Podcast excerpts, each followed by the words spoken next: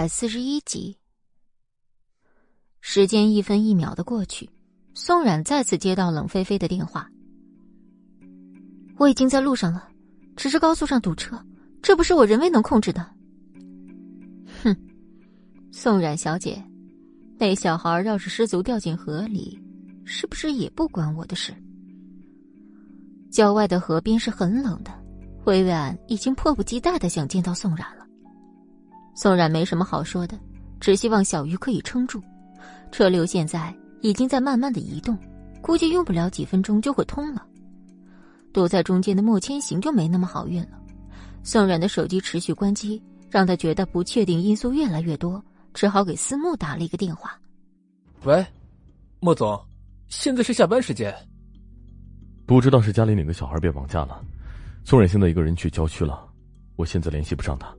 你现在回莫家把剩下两个孩子安全的送回他们家，被绑架的这个，你就说和宋出去玩了。总之把事情做好。这可能是思慕一口气听莫千行说过最多的话。现在是办正事的时间，思慕挂断电话，也赶紧行动起来，开车往莫家方向赶时，自己暗自为自己今天相亲的对象感到惋惜。像他这么优质的男青年，那个女人没法认识了。他不知道的是。那天下午的相亲对象也没出现，两个人都以为对方去了。莫天行堵车时想了很多，每一次宋冉出事儿，他从来不会想到自己，只有每次傻傻的去担心，然后救他于水火。莫天行觉得自己真是栽在宋冉这个蠢女人手里，宋冉欠自己的，这辈子铁定还不完。齐军很少自己一个人开车去这么远的路，还好有导航陪着他。一路上他都在想，宋冉现在到哪儿了？他希望自己一定要比宋冉早到，这样才能阻止薇婉那个女人做傻事。而薇婉现在要做的就是等待。拿出手机看了看时间，自己已经出来一整天了，但齐军没给自己打一个电话，不禁苦笑。冷菲菲察觉到薇婉的情绪。怎么了？魏婉觉得冷菲菲挺好，现在看来也算是他回国后接触的第二个女人。你知道吗？我很喜欢齐军，喜欢到我觉得我自己心里都病了。冷菲菲听见齐军名字时，内心已经波涛汹涌。现在除了想除掉宋冉以外，那就是除掉齐军身边最亲近的薇薇安。就是因为齐军跟魏婉结了婚，自己接近齐军的路上又多了一个绊脚石。哼，薇婉小姐说笑了。我记得你在国外时职业不是心理医生吗？你怎么又会说自己生病呢？薇婉摇摇头，看看自己的手机。医者不自医，齐军一天没有联系我了。我现在有多想他，就有多恨宋冉。是他一步步把我变成这样，我当初就不该救他。冷菲菲觉得，他跟宋冉之间也有故事，但薇薇安不愿再提，他也不好说什么，只好适可而止。齐军给齐浩白发消息，说自己快到了，但齐浩白要去接应他时，先看见了宋冉，他的方向不是小破屋，而是河边，这让齐浩白琢磨不透。齐军以前有多喜欢宋冉，齐浩白是知道的。可现在，齐军已经跟薇婉小姐结婚了，所以齐浩白没打算把遇见宋冉的事儿告诉齐军。这种事儿，多一事不如少一事。齐浩白到了规定的地方，开始等待齐军到来。宋冉一心只想救小鱼，根本没有注意到路边的齐浩白。周围一片黑暗，宋冉缓缓靠近河边。准备下车时，才想起自己的手机一直是关机状态，和冷菲菲通话的这部手机是以前的那部。保持周围警惕的宋冉一直把放在副驾驶上的手机打开机。这时，冷菲菲又打来电话。宋冉有过一丝的怀疑，但现在好像也没有别的办法，把刚刚开机的手机偷偷放进自己口袋里，然后拿着这个联系电话的手机下车了。天色昏暗，宋冉每一步都走得很小心，隐约能看见前面有人。走近后发现是两个陌生女人的面庞，周围没有其他人。宋冉觉得，现在自己稍微有些被动。你就是宋冉。这声音让宋冉觉得很熟，但又想不起来是谁。宋冉打量着面前这两个女人，率先开口那个女人都不认识自己。你们把小鱼藏在哪儿了？我现在人都来了，你们是不是把小鱼还给我？微婉打量着眼前的宋冉，看样子他恢复记忆以后就把自己给忘了。另一边，躲在高速缓慢移动的莫千行已经快烦到顶点，而齐军已经成功跟齐浩白接上了头。来到靠近小破屋附近的地方后，齐军问：“在此期间没有人来过吧？”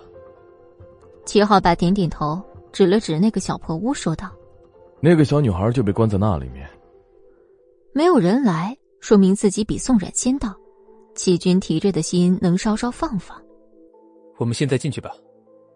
我有太多的话想问问薇薇安了。”齐浩白看齐军准备这么大摇大摆的进去，赶紧拽住他：“薇薇安小姐现在不在这里面，里面还有一男一女在看守着小姑娘，我们不可贸然行动。”薇薇安不在这里，不对呀，那这荒郊野岭的能去哪儿？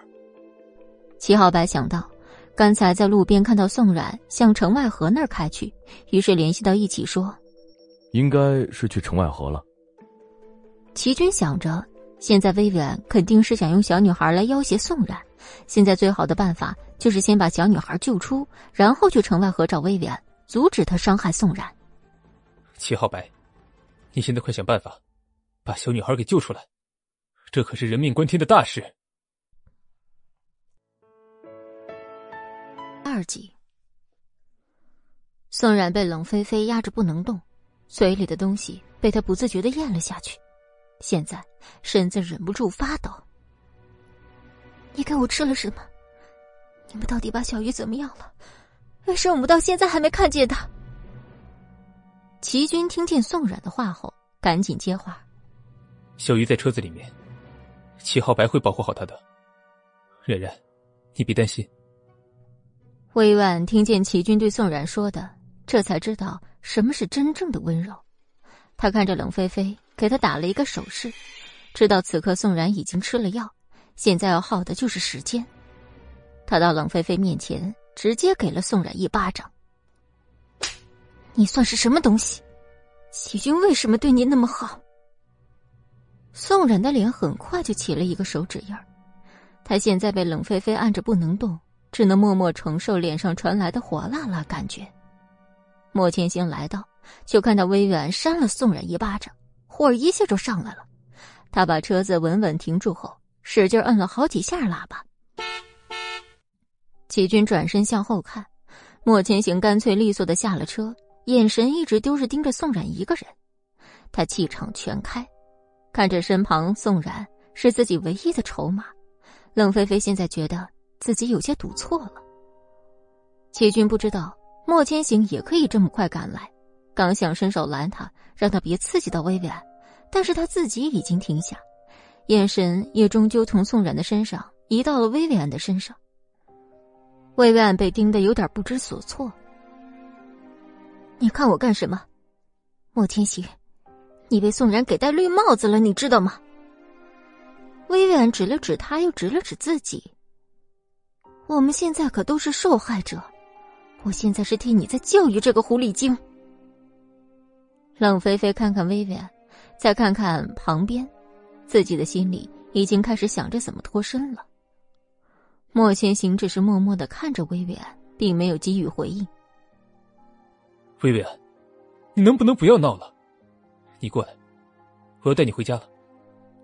薇薇安只是笑了笑，走到宋冉身边，揽着他的胳膊说：“我闹，齐俊，你心里想的到底是带我回家，还是带宋冉回家？他只是莫千行的一个情妇，值得你一次次喜欢吗？”莫千行看着宋冉，并没有要说话的意思。宋冉觉得。魏婉这样侮辱他，他想死的心都有了。魏婉，你给我住口！你喜欢齐军关我什么事？为什么什么事都要带上我？你们两个男人，好好睁眼看一看，这就是你们一直喜欢的女人。她哪儿比我好？我哪儿配不上你们？魏月安现在的状态已经很差了，自己的心情波动也特别大。就在这时，莫千行开口说：“宋冉哪里都比你好。”魏万气得整个人精气神儿都变了，他肩膀一直颤抖，他把冷菲菲推到一边，自己掐着宋冉的脖子。莫千行，我亲爱的莫总，既然你都发话了，那咱们来谈谈吧。冷菲菲被推到一边以后，并没有人理她，现在的专注点。都在薇薇安身上。莫千行的脸色不太好，薇薇安一次次对宋冉动粗，他非常生气，但他又觉得，从对话来看，这薇薇安十有八九精神有问题，自己现在不能轻举妄动。齐军是真正的、彻底的重新认识了眼前这个薇薇安，他又向前走了一步，说道：“薇薇安，你想和莫千行谈什么？我来跟你谈。”薇薇安摇摇头，掐宋冉脖子的手又用了一些力气。宋冉“嗯”的一声，皱起自己的眉头，身体已经不自觉的有些无力了。齐军，你这么着急啊？那咱们来玩玩吧。莫千行觉得，今天简直是自己底线一次次下扩的日子。说吧，玩什么？哼莫千行，宋然一直跟齐军纠缠不清。你很愤怒吧？你现在狠狠的打齐军，越狠越好。正好我有些乏了，想看。这个要求出自牛头不对马嘴的威婉口中，莫千行和齐军都懂了，这是想让他们互相残杀。莫千行点点头，没有一丝犹豫，就向齐军的脸大力吹去。威婉在一旁还高兴的吹起口哨。宋然想说话。让他们别打了，但是现在自己声音小的像苍蝇一样，根本没有人能听得见。莫千行回身把齐军打倒在地，在第二次打他脸部时，在他旁边用只用两个人的声音说道：“借机接近薇薇安，我总觉得哪里不对劲，现在就宋然要紧。”齐军秒懂，但现在心脏的负荷已经很厉害，他咬咬牙硬撑住。宋然体内的药效已经在挥发，身体软得像一滩泥。魏婉发现自己正在当宋冉的靠背，就直接把他推到了栏杆上。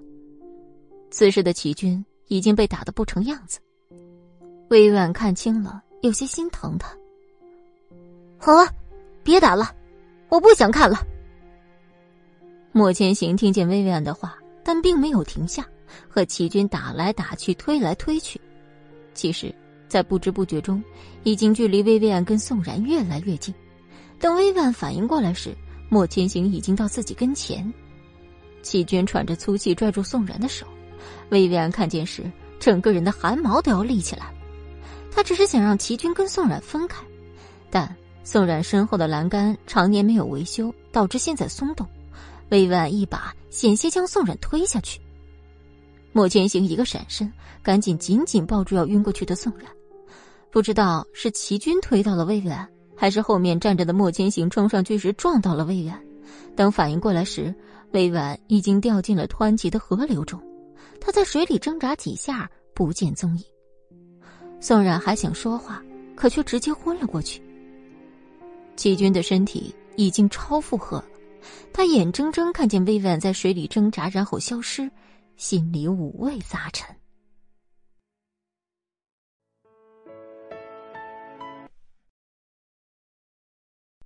齐军觉得自己呼吸困难，看见莫千行抱着宋冉从自己身边走过，莫千行瞥了一眼在地上的齐军，没说任何话，走到齐军车的旁边，敲了敲玻璃。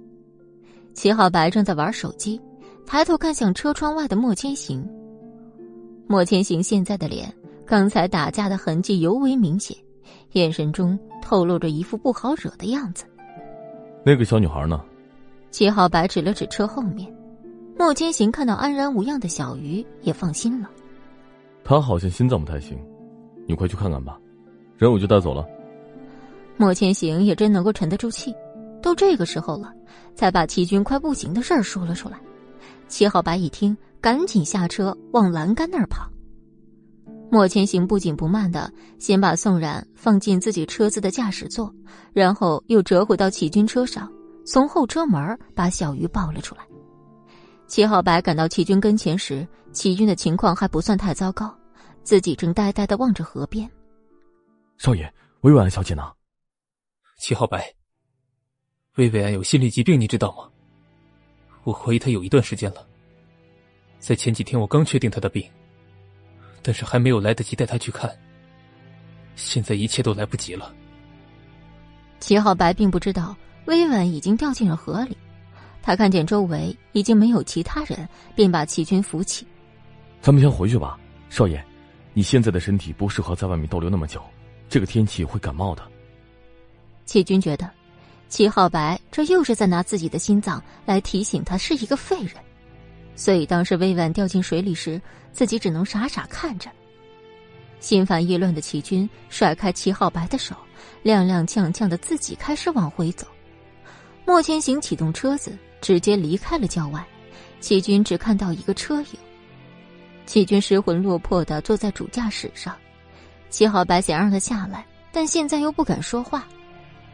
沉默了许久，齐军的手颤颤巍巍的。指指那个被撞烂的蓝栈，魏远从那里掉下去了，你马上派人来打捞。我活要见人，死要见尸。好，我马上派人来找少爷。你看，要不要先送你回家休息一会儿？这边一有消息，我就会告诉你的。齐军没有说话，毋庸置疑，他要在这儿待着，他要亲眼看着这个地方。一个多小时过去后，七号白教的那些人才匆匆赶来。水流太急，大家打捞了半天，没有任何结果。打捞队的领头人来到岸上，对齐浩白说：“齐先生，现在这个时间正是水流速度快的时候，而且天黑也加大了搜寻的难度。天没几个小时就会亮了，我建议我们顺着水流向下寻找。”齐浩白只好硬着头皮回到车里。此时，齐军已经睡着了，他松了口气。轻手轻脚关上车门，默默退出来到岸边，让打捞队的人顺着水流往下去搜。兄弟们辛苦了啊，咱们尽量在天亮之前打捞上来，钱我两倍发给你们。打捞队一听见钱，果然精神头又回来了。大家休整片刻，开始出发去下游。终于在两个小时以后，打捞队在河下游找到了薇婉，立即打电话给齐浩白：“俺们找到了一个女娃娃。”像是个外国人嘞，就是她，还麻烦你们把她运上来。齐浩白没想到魏远真的死了，只好怀着沉重的心情去车里叫齐军。少爷，薇薇安小姐找到了。齐军缓缓睁开眼睛，明明自己早就知道这个事实，但听见齐浩白说时，心里还是狠狠的疼了下。好，我想再看看薇薇安。这件事情。你告诉我父亲了吗？薇薇安在运回来的路上了，他已经去世。这件事情，少爷打算怎么处理？齐军就是不知道该怎么办，所以才问齐浩白有没有告诉自己父亲。他现在觉得自己就是害死薇薇安的凶手。我也不知道，我也不知道我到底喜不喜欢薇薇安。我知道他的心里有极大的占有欲和偏执。很有可能会产生第二人格。当时我是害怕的，更是嫌弃他的。但是现在，知道他真的死了以后，心还是会很痛很痛。齐浩白掏出口袋里面的火机，默默点了一根烟。齐军把他要放嘴里烟拿过来，自己猛吸一口，感觉自己快被烟呛出眼泪。齐浩白赶紧拍了拍他的背。齐军觉得，自己现在的任何举动。都会让他担心自己，怕齐军再吸的齐好白，索性将烟掐灭。齐军打气儿的说：“这里是郊区，你可不要乱扔烟头。”齐好白笑笑，气氛总算是有些缓和。冷菲菲是在微婉把他推到一边，然后一直在找机会逃掉。在大家的关注点都在宋冉身上时，自己趁机离开了那个是非之地。荒郊野外，没有车可以代步。冷菲菲觉得此时最危险的地方就是最安全的地方，于是也没走远，就躲在了一旁。薇薇安让莫千行跟齐军打起来时，冷菲菲忍不住自己想出去的冲动。齐军有心脏病，这薇安简直是疯了。莫千行一拳拳打在齐军身上，痛在冷菲菲心里。与此同时，冷菲菲也算是唯一一个看见薇薇安到底是怎么失足掉进河里的。当时的情况是。莫千行冲过去保护宋冉，薇婉想拽齐军，被齐军的手一推，就压倒在栏杆，失足掉了下去。冷菲菲看到这一幕时，觉得整个人的血液都在倒流。薇婉在河里挣扎的样子，简直像一个魔鬼，可是没等几下，就消失在水面。冷菲菲觉得此地不宜久留，所以在莫千行抱宋冉离开以后，自己也回到了小破屋那儿。黑色的面包车和人都在，三人快速离开这个城外河。莫千行开车前往医院时，宋冉在副驾驶上有要醒来的痕迹，迷迷糊糊就开始脱自己的鞋子，把自己的腿蜷缩在位置上。莫千行无奈的看了看宋冉的样子，又看了看后座上躺着的小鱼，只好加快车速。四十四集。终于在半个小时以后来到医院，思慕已经在医院门口等着。莫千行下车，把宋冉抱在怀里，对着思慕说：“后座的小女孩报去儿科，一会儿再联系。”思慕觉得在这种情况下，莫千行的表现还真是让自己吃了一嘴狗粮，点点头后就把后座的小鱼抱了出来。转身的时候，莫千行已经不在了。思慕看着怀里的小鱼。觉得今天这事儿应该是把小孩子吓着了，没再耽误时间，赶紧去儿科挂号。医生给宋冉做了全方面的检查，他应该是服用了什么药物导致昏迷。整体来说，身体没有大碍，好好休息就可以了。宋冉安静的躺在病床上，莫千行还贴心的给他掖了掖被角。小护士来给宋冉打点滴，莫千行坐在那儿，就像是一幅养眼的漫画。小护士从进病房就一直在注意莫千行，在扎针时，第一针没扎进去，莫千行整个人的眉头都皱了起来。小护士不以为然，准备扎第二次，莫千行直接站起，盯着宋冉已经扎了一针的手说：“如果这次你还敢弄痛他，那你就滚出去辞职。”小护士根本没想到，一个长得这么好看的男人竟然说出这样让他下不来台的话。他心里不满的开始扎第二次，宋冉这时动了动，小护士第二次还没有扎进去，宋冉的手背直接鼓起了一个包。莫千行拽开小护士，自己小心的摸上宋冉手上的针孔，小护士一下不知该怎么办才好。莫千行极其冷酷的说：“你可以滚了，让你们护士长来见我。”小护士不满莫千行这样自大的态度。虽然现在是在 VIP 病房，但小护士本人也有靠山。她现在只是一个实习生，但能单独伺候贵宾病房的病人，那就是医院有人给她撑腰。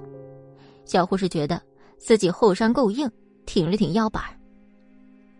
找护士长又能怎么样？我不就是没扎上针吗？你没看见他自己乱动啊？你身为病人家属，对我尊重一点莫千行不想再跟这种世俗女人一般见识。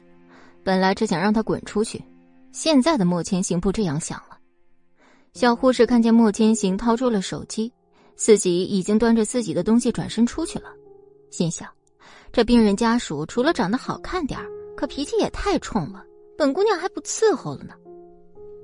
莫千行打给了慕云：“喂，帮我查一下附属医院院长电话，让他五分钟内赶到幺幺零四病房。”慕云挂断电话后。直接拨通了院长的电话。喂，你好，刘院长，莫总在幺幺零四病房等你，给你五分钟。院长此时在办公室里喝着茶，听着小曲儿，接完慕云的电话，直接从椅子上弹起来。好的，好的。四分钟时，院长带着各科元老来到幺幺零四病房门口。院长敲了敲门，走了进来。莫千行现在心情非常不好。手指在自己腿上缓慢的敲着。莫总，你看，我不知道你来，不然肯定一早就在这里候着了。刚才有一个小护士插针两次都没有插下，我想问问刘院长，这件事情该怎么处理啊？刘院长的脸色变得很难看，刚才一进来就看见莫千行身边躺着的女人。莫总，我马上去查刚才是哪个小护士，咱们让他给你道歉。莫总别生气。刘院长没有听说莫千行结婚，所以估摸是莫千行的情人。不知是哪个护士今天这么倒霉。莫千行已经懒得说什么话了，自己摁了召唤护士的按钮。刚从厕所出来的小护士看到幺幺零四病房灯亮，心想一定是想开了，找他回去扎针，心情大好，往幺幺零四病房走去。刘院长这边正站在角落打电话，自己刚得到值班人员的回答，负责幺幺零四病房的是刘小贝。这下。刘院长觉得自己脸上要挂不住了，还没有想好怎么帮刘小贝逃脱这场灾难，他紧接着自己就推门进来，找我什么事儿啊？莫千行看着眼前这个女人，眯起了自己的眼睛。在角落的刘院长听见声音，赶紧过来，找我什么事？小刘，你赶紧给莫先生道歉。刘小贝这才看见刘院长在这间屋子里。不但没有道歉，还亲近的拉着刘院长的袖子说：“你干什么凶人家？你都不知道这个人是怎么说我的，我才是受委屈的那一个。”刘院长看刘小贝这样，那还了得？赶紧把他的手打掉，慌张的看着莫千行说：“她是我远房表妹，莫总，我这就把这个不懂事的丫头开除。”刘小贝这下不乐意了。没管莫千行，还大声的指着刘院士说：“我是你表妹，你跟你表妹睡觉啊？老刘，你什么意思啊？”刘院士的脸彻底挂不住了，在病房外面的各科元老也站不住了。整天耀武扬威的刘院士，竟然跟一个实习小姑娘有一腿。大家碍于莫千行还在屋子里面，只敢站在门口偷偷的听墙角。莫千行觉得。这病房实在太吵，一会儿冉冉该被吵醒了。刘院长，我记得你也当了挺久的院长了，不如趁着今天就换换人吧。您老人家去别的地方好好玩。听完莫千行的话，刘院士整个人都要跪下来了。这职位可是他花了大半辈子积蓄才换来的，才当了不到一年。刘小贝看刘院长这样，这蠢货才刚刚反应过来，面前的男人是个大人物。他狗腿的跑到莫千行面前，鞠了一个九十度的躬。对不起，是我有眼不识泰山。刘小贝的眼睛紧张的闭上，几秒后才敢直起身子，抬头看莫千行。他修长的手指指着床上躺着的女人说：“你，跟他道歉。”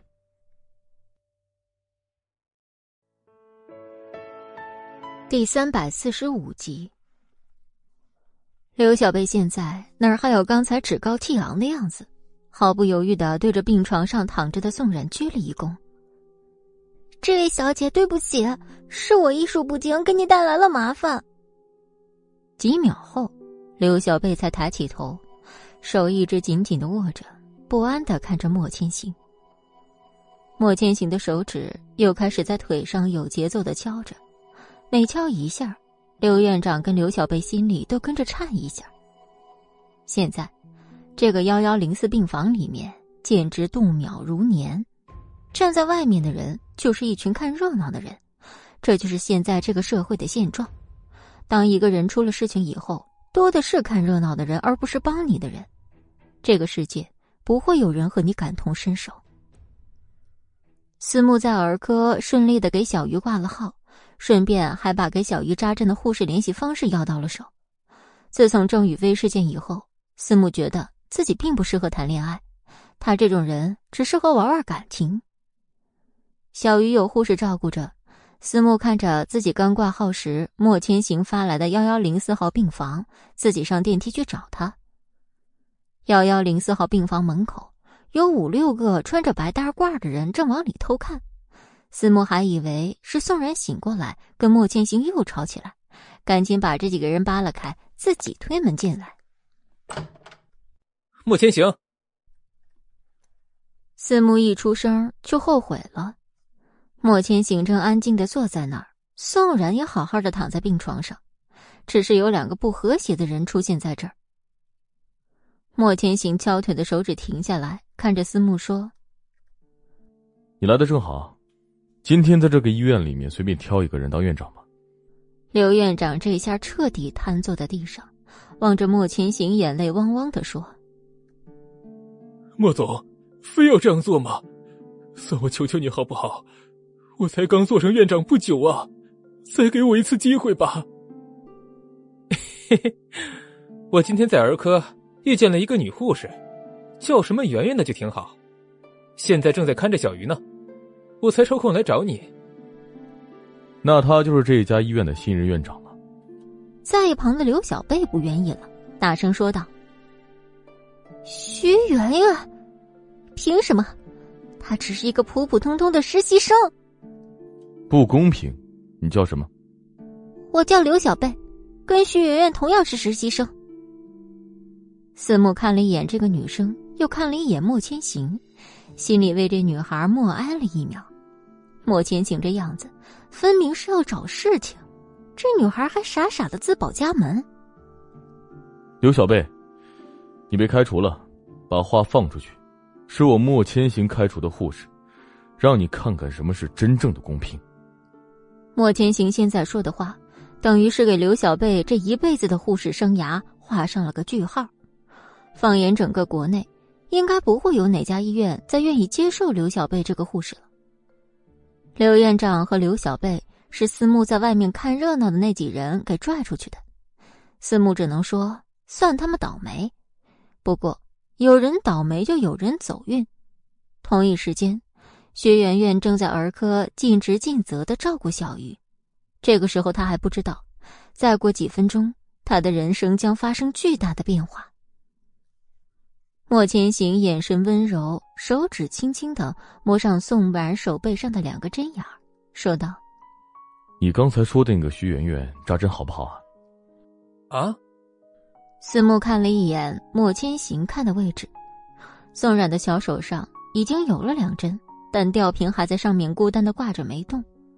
自己在心里快速过了一遍今天这件事的前因后果，应该是护士没有给宋冉插上。这莫千行生气了，院长跟那小护士肯定也有关系，被连累了。之后两人相继在莫千行这阵亡。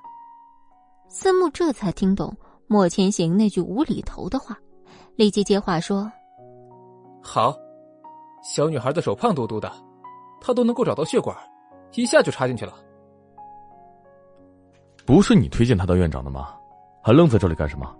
去把他叫来给宋冉扎针。”好嘞，我这就去把未来院长叫过来给你看看。莫千行懒得理思慕的油嘴滑舌，思慕推门出去，在电梯里面想了想那个女护士，自己笑了。这下徐媛媛真是翻身农民把歌唱，今天他就是徐媛媛最吉祥的吉祥物。徐媛媛一头雾水的被思慕带到了幺幺零四病房门口。她小声说：“喂，这可是贵宾病房，咱们来这儿干什么呀？我得赶紧回去，不然护士长会骂我的。”傻瓜，跟我进去你就知道了。司慕敲了一下徐媛媛的头。就这样，徐媛媛就稀里糊涂的被推进了幺幺零四病房，在一个长得好看但一句话都没说的美男子面前，给一个女病人扎了针。然后就没什么事儿了，思慕就把他送回了儿科。刚到儿科，护士长就喊他去一趟办公室。刘媛媛觉得自己这下死定了，硬着头皮和思慕告别，前往办公室。刘媛媛进门敲了护士长的门，迎面就看见里面各科元老大人都到齐了。这下李媛媛算是真的慌了。护士长笑起，脸上的褶子都堆在一起。走过来，牵起刘媛媛的手，走到副院长面前说：“副院长啊，这位就是我们儿科的实习生刘媛媛。”啊，副院长，你好，我是儿科的实习生徐圆圆。徐媛媛小姐是吧？你说笑了，以后你就是院长了，而我只是辅佐着你管理这家医院而已。刘媛媛还以为自己听错了，脸上的笑容也越来越僵。思慕及时站在徐媛媛的身边说：“还记得刚才咱们去的那个幺幺零四贵宾病房吗？那个冷面冰山就是你的老板，而我就是你的吉祥物。以后你就是这家医院唯一的院长了。不要告诉我你会拒绝哦。”薛媛媛直接流出了激动的泪水，用力的点点头。这什么运气啊！自己就是去贵宾病房里给女病人扎了一针。然后出来就通知自己是这家医院的院长，自己在此之前只是一个普普通通的实习生啊，现在摇身一变成了一人之下万人之上的附属医院院长。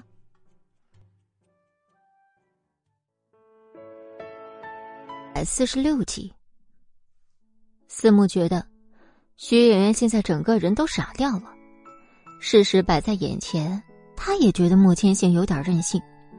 这也证明了一件事：任何的事情，只要跟宋然扯上关系后，莫千行就会做出让人大吃一惊的决定。比如前一段时间投资那个玉华唱片公司，就在宋冉退营以后，莫千行再也没有过问过。莫千行在思莫的嘀咕下，在病房里没忍住打了个喷嚏，他赶紧看了一眼宋冉有没有醒，还以为自己这种天气要感冒。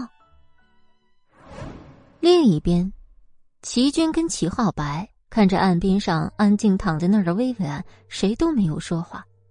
等那些打捞队的人离开以后，齐军对着齐浩白伸伸手说：“能不能再点上一根烟？我想闻闻味道。”齐浩白看着齐军异常的冷静，从口袋里掏出烟，慢慢的点燃了一根。天开始微微发白。薇薇安就安静的躺在那儿，一根烟就这样在齐军的手里燃着。手机铃声从车里传出，齐浩白小跑过去把手机拿过来。齐军瞳孔有些放大，打他电话的是祁连松，这真是少见。少爷，是你的电话。喂，有什么事情吗？祁连松在齐军家里的客厅已经坐了一晚上，齐军都没回家，这让祁连松开始担心这孩子又在外面闯祸。他索性没有联系齐浩白，直接打电话给齐军，想问个清楚。你现在在哪里啊？我在家里没啊，有事说事就好了。祁连松明明就在齐军家里，他没控制住自己的脾气，声音直接大了起来。你还敢骗我？我现在在你家客厅可坐了一个晚上了，齐军，你现在嘴里还有真话吗？怎么了？我不在家又怎样？我嘴里有没有真话，不是取决于你嘴里有没有真话吗？祁连松觉得，齐军简直就是他妈妈留在这世上气人的。你怎么跟你老子说话的？当年的事情我早就跟你解释过了，我是被人陷害的，你能不能相信我一次？话题就这样扯远了。齐军觉得跟祁连松真没什么好聊的，刚想挂断电话，就听电话那头的人说：“薇薇安呢？怎么也不在家呀？”这下换齐军不知该怎么开口了。沉默几秒后，齐军直接把电话挂断。祁连松在那头要气死了。他隐约觉得，齐军这次有事情瞒着他，不服气的把电话又拨了过去。齐军看着手机屏幕再次亮起，不接的话，听着铃声都很烦。别给我打电话了，你烦不烦呢？你到底要干什么？我问你，薇薇安人呢？她一个女孩子怎么也夜不归宿啊？你们应该不在一起吧？齐军怎能不知道祁连松现在是在试探自己？可自己心里也很乱，并没有把握能处理好薇薇安这件事儿。他失足掉进了河里，现在刚被打捞上来不久。人现在在哪里？不要乱动，我现在马上就过去。齐军觉得现在天才刚亮，郊区又远，他不是很想让祁连松费这个时间。你那么大年纪了，就别折腾了，行不行？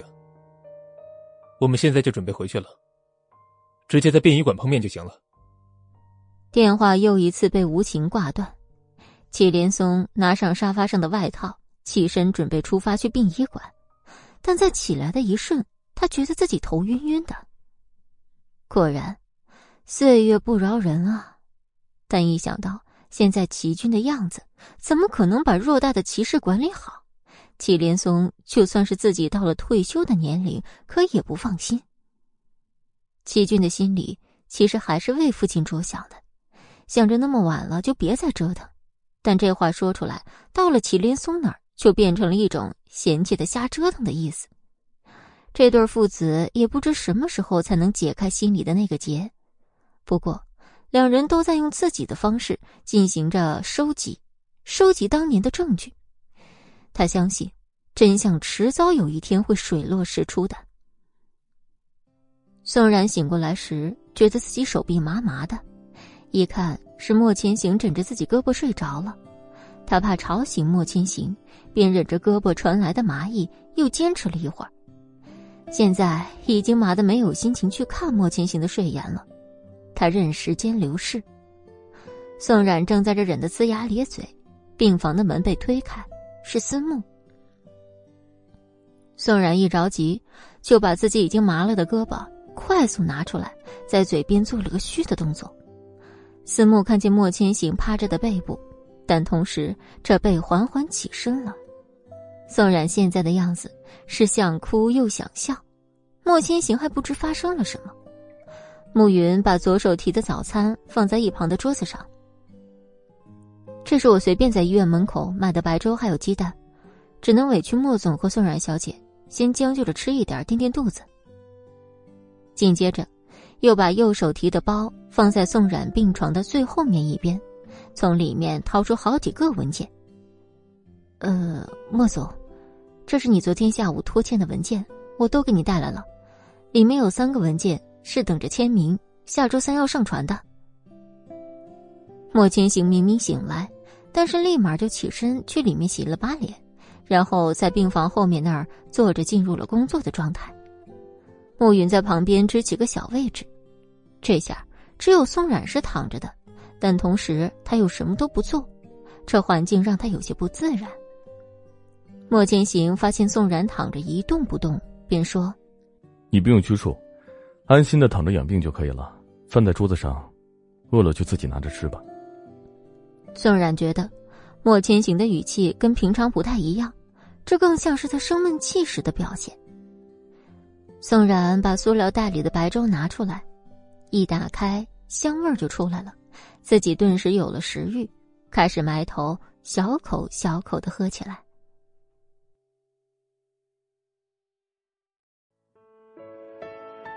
三百四十七集，冷菲菲在黑色面包车里给那两个跟随者一人一大把的封口费，让他们连夜去国外避避风头。自己把事情都处理干净以后，把那辆黑色的面包车停在林雨柔家附近，这才安心的打车回了自己家里。虽然现在薇薇安已经死了，不会有人指认自己，但世界上哪有万无一失的事儿？莫千行可是一个比齐军还要老谋深算的人，时间一长，难免会查到自己头上。为了避免夜长梦多。冷菲菲在脑袋里想到了一个好办法，又仔细斟酌了一下，想想觉得可行。等到时候，既可以彻底断了莫千行查到自己，而且还可以正大光明接触齐军。冷菲菲这才心安理得的睡觉了。宋冉已经把一碗白粥全都喝干净，这边莫千行也差不多处理了一些着急的文件，两个人面面相觑。宋冉看见莫千行双手交叉，左手大拇指放在右手拇指的指甲盖上，上上下下来回不停的动，应该是有话要说，但是却迟迟不张嘴。暮云停下手头上的工作，忽然嗅到空气中一丝不大对的味道。莫总，已经快半个小时了，你现在可以休息一下，我正好趁这个时间去儿个看看思慕。还有那个小女孩怎么样了？莫千行点头，他本来就想跟宋冉聊点私事儿。宋冉看远去的暮云，心里是不想让他离开的。现在，房间里就只有莫千行跟他，他会死得很惨的。莫千行看宋冉的眼睛一直注视着门口，便没好气的说道：“看什么？你也想和慕云一起去看私墓？”“哦，没有没有。就算想去，也是去看小鱼啊，谁去看私墓啊？”这话说完以后，房间又安静下来。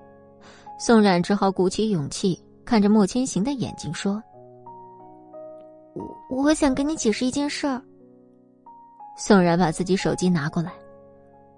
昨天小鱼被绑架的时候，我在楼上用的是以前那个手机，所以之后跟绑匪联系的手机也是那个。我车开出去才发现，我这手机没电了。我不是没有想过给你打电话。但是手机一直开不开机。傻瓜，我相信你，只不过下次可不能这样子了。有什么事情，都要提前告诉我，不然可不会每一次都这么走运的。还有一件事儿，就是我在监控上发现了齐军家的车子，所以主动给他打了一个电话。不过你放心，我没聊什么，我就是质问了一遍，然后就把电话挂了。莫千行一听到齐军这个人的名字，就皱了皱眉头。宋冉虽然看见了，但还是继续说下去，因为他怕因为这通电话再给以后造成不必要的麻烦。你别生气啊，莫千行，我这不是跟你解释清楚了吗？我保证，没有下一次了。莫千行的心情好了不少，但是把宋冉的手推掉之后，一本正经的说。我从来没有说过我生气啊，我刚才就是在想要不要上厕所，现在已经想好了，我去个厕所，你自己乖乖在这里待着。宋冉觉得他被莫千行给耍了。莫千行不想在宋冉面前表现太多的情绪，他也不想告诉宋冉魏婉已死的事情。他清楚的记得，郑宇薇自杀时，宋冉失魂落魄了好几天都没走出来。关于魏婉掉进河里的事儿，他正在努力回忆。当时情况紧急，他只是想好好的保护宋冉。夜里太黑，情况应该是薇薇安在他跑过来的几秒后碰到栏杆失足掉下去，自己当时确实撞到了薇薇安，但是他记得，当时在一旁的齐军好像才是最后一个接触薇薇安的人。短短几秒，一条人命就这样没了。薇薇安现在名义上是齐军的妻子。想必齐家这两天就会给一个交代。莫千行想的是，如果齐家向外公布薇婉是自己失足掉入河中的话，自己没有任何意见。毕竟这趟浑水自己也不想掺和。另一边，祁连松已经早早来到殡仪馆等齐军了。魏婉的尸体因为在河里多泡了几个小时，现在有些肿。祁连松看了一眼以后。赶紧让工作人员把尸体运进去处理了。齐军冷漠的看着魏万的尸体，仿佛那不是自己的妻子一样，这样看得祁连松非常上火。两人来到办公室里，齐连松直接给了齐军一巴掌，齐军身子一晃，差点倒在地上。祁连松想去扶他，但却硬生生的引住了。你这个逆子啊！薇薇安真的是失足掉进河中淹死的吗？你现在把话给我说清楚了。其实，齐军自己心里也没底。当时的情况好像是莫千行撞了薇薇安后抱住了宋然，自己心里特别的嫉妒，好像撞到了薇薇安的肩膀，紧接着薇薇安就碰到栏杆掉进了河里。我不知道，我不知道是不是我和莫千行间接性的把他害死了。祁连松听见莫千行的名字以后，觉得昨天晚上肯定不是一个普通的晚上，便让齐军把来龙去脉都说了一遍。祁连松把事情梳理一下，所有的原因都是薇薇安先去墨家绑架了一个小孩子。他摇摇头，想着这也算是薇薇安恶有恶报，同时觉得齐军有可能才是造成薇薇安失足掉入河中的人。但是他没说，毕竟齐军是自己的孩子，哪有父亲愿意承认自己的孩子是杀人犯呢？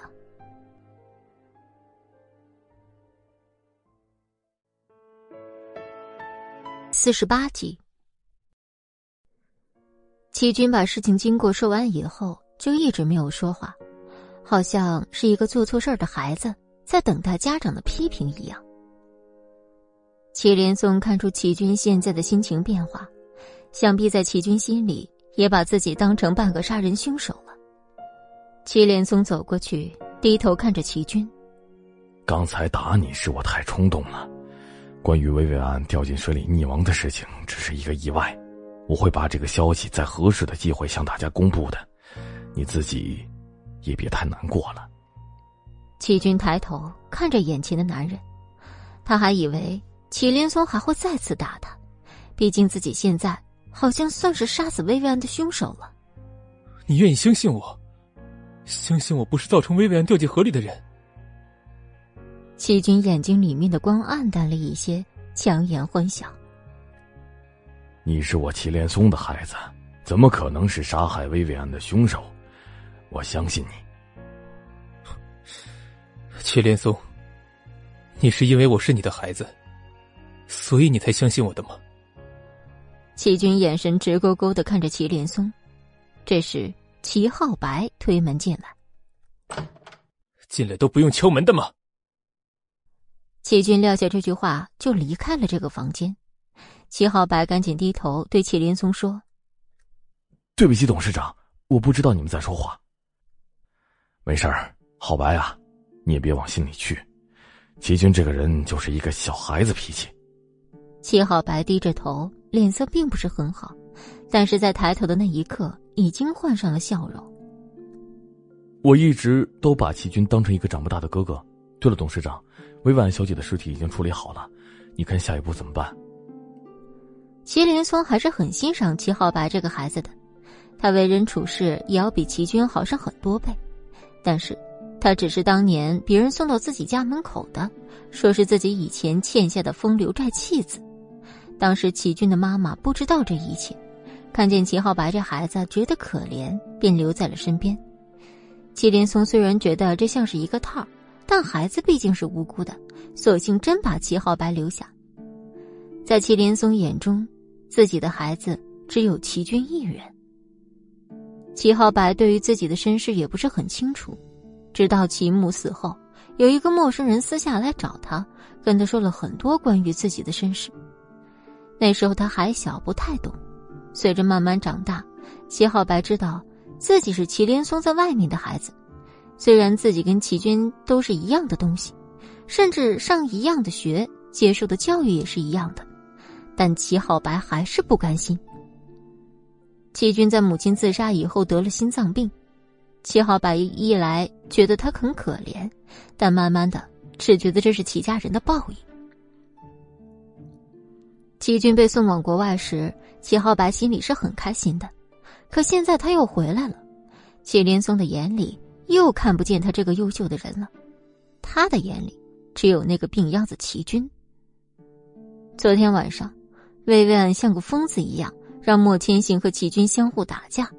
他在车里也稍微看见了一些，但他没出去，只是坐在车里假装不知道。祁连松推门出去。发现齐浩白还愣在原地，便说道：“怎么了？是不是还有其他的事情？”齐浩白赶紧从自己的回忆中抽离出来，不好意思的摸了摸自己的脑袋：“不好意思，董事长，可能是一夜没睡觉，现在精神不是很好，所以刚才走神了。你不说我都忘了，你和齐军一夜没合眼吧？这边的事情，我来处理就行了。”你出去找找齐军，送他回家休息。你自己也赶紧补个觉去吧。齐浩白心里觉得不屑，但还是点点头答应了齐连松。好的，董事长，那这边的事情就多劳你费心了。齐浩白回到外面，哪儿还有车子跟齐军的身影？估计早已经开车自己回家了。莫千行从厕所出来时，宋然已经开始下床收拾自己的床位。莫千行非常不解。宋然，你这是在干什么？我只是受到惊吓，又没病，当然要出院啊。咱们一会儿一起去看小鱼吧。莫千行对宋冉的话表示不满，他把宋冉摁到床上。宋冉，我真想去查查你的脑子是不是真的坏掉了。好好躺着休息，对你来说就那么难吗？其实莫千行是担心宋冉的身体，但是说出来的话就充满了指令的意思。昨天，薇薇安来给宋冉吃的药，可是真把莫千行吓坏了。这才多长时间，谁知那个药效完全花费完没有？宋冉把莫千行推开，坐在病床上说：“莫千行，你就不能好好说话吗？我脑子好着呢，你放心吧，我真的已经没事了。”莫千行才不听宋冉的一面之词，起身摁了病床上的按钮。没几分钟，来了好几个医生。宋冉哪见过这场面？不知道的人还以为自己快活不成了。他只好对着这几个戴着口罩、神情严肃的医生笑了笑。相比之下，莫千行从容淡定多了，指了指宋冉说：“他要出院，你们帮我给他好好的检查一下，看看还有没有其他问题。”就这样，宋冉被好几个医生围着去各种地方做检查。等再回到幺幺零四病房时，莫千行正乖巧的坐在床边闭目养神。所有的动静，莫千行跟早晨一样，睁开眼睛醒来，柔情似水的望着宋冉说：“你回来了。”“嗯，医生们说，我现在状态很好，可以出院了。要不，你再躺在病床上睡一会儿，半小时就行，我看着点叫你。”病床脏。我不要。宋然撇撇嘴，心想：这床可是自己睡过的，而且这可是贵宾病房，不比家里面的床档次低，好不好？走吧，回家睡。宋冉觉得好像哪儿不对。莫千行回家睡就回家睡呗，揽着自己算什么意思呀？不急。走到医院门口。宋冉拽了拽莫千行的衣角，莫千行停下脚步，看着宋冉：“咱们去看看我妈妈吧。你上次说陪我去，正好现在也有时间。”莫千行没有表情的脸上有了一丝柔和，牵着宋然的手抓得紧了紧。“好，咱们先去看你妈妈，然后再回家。”“啊好呀，莫千行。”你今天真是太帅了。莫千行撇撇嘴，自己哪天不帅了？刚想说什么，手机响了起来。莫总，我马上到门口了。好，我们就在门口。电话挂断以后，莫千行摸摸宋冉的脑袋说：“给你介绍一下咱们家的新司机。”说曹操，曹操就到。区别于莫千行常开的那辆黑色奔驰。这辆车，宋冉第一眼就很喜欢。莫总，宋冉小姐。下车打招呼的是一位二十来岁的男生，一看就是跟莫千行处得来的人，说话干脆利落，丝毫不拖拉，简直冷漠无情冰山脸。宋冉坐上车时，盯着前面反光的镜子看，这样莫千行感到非常的不愉快。宋冉，你再看小静。你再这样可以下车了，还有小金这个司机也可以不用干了。宋冉感觉自己被抓包，尴尬的吐吐舌头。莫千行这个小气鬼，我只是在照镜子，顺便看几眼新来的司机而已。前面开车的小静觉得现在气压很低，自己这份工作还有很多辛酸路程要走。莫千行也只是随口一说。这小静是自己暗中培养的心腹，忠诚度不言而喻。现在当个司机，其实想要一个光明正大保护宋冉的借口罢了。莫千行真的不放心身旁这个傻女人，趁自己不在的时候在干什么傻事儿。陷入自己沉思的莫千行还以为宋冉消停了，结果宋冉突然过来捏住莫千行的脸说：“不对啊，我想一下。”莫千行，你是不是在吃醋啊？莫千行被宋冉这突如其来的动作吓了一跳，这要是在以前，肯定不足为奇，但现在经历了这么多事情，宋冉很难再去毫无掩饰的去跟他说话、动手动脚了。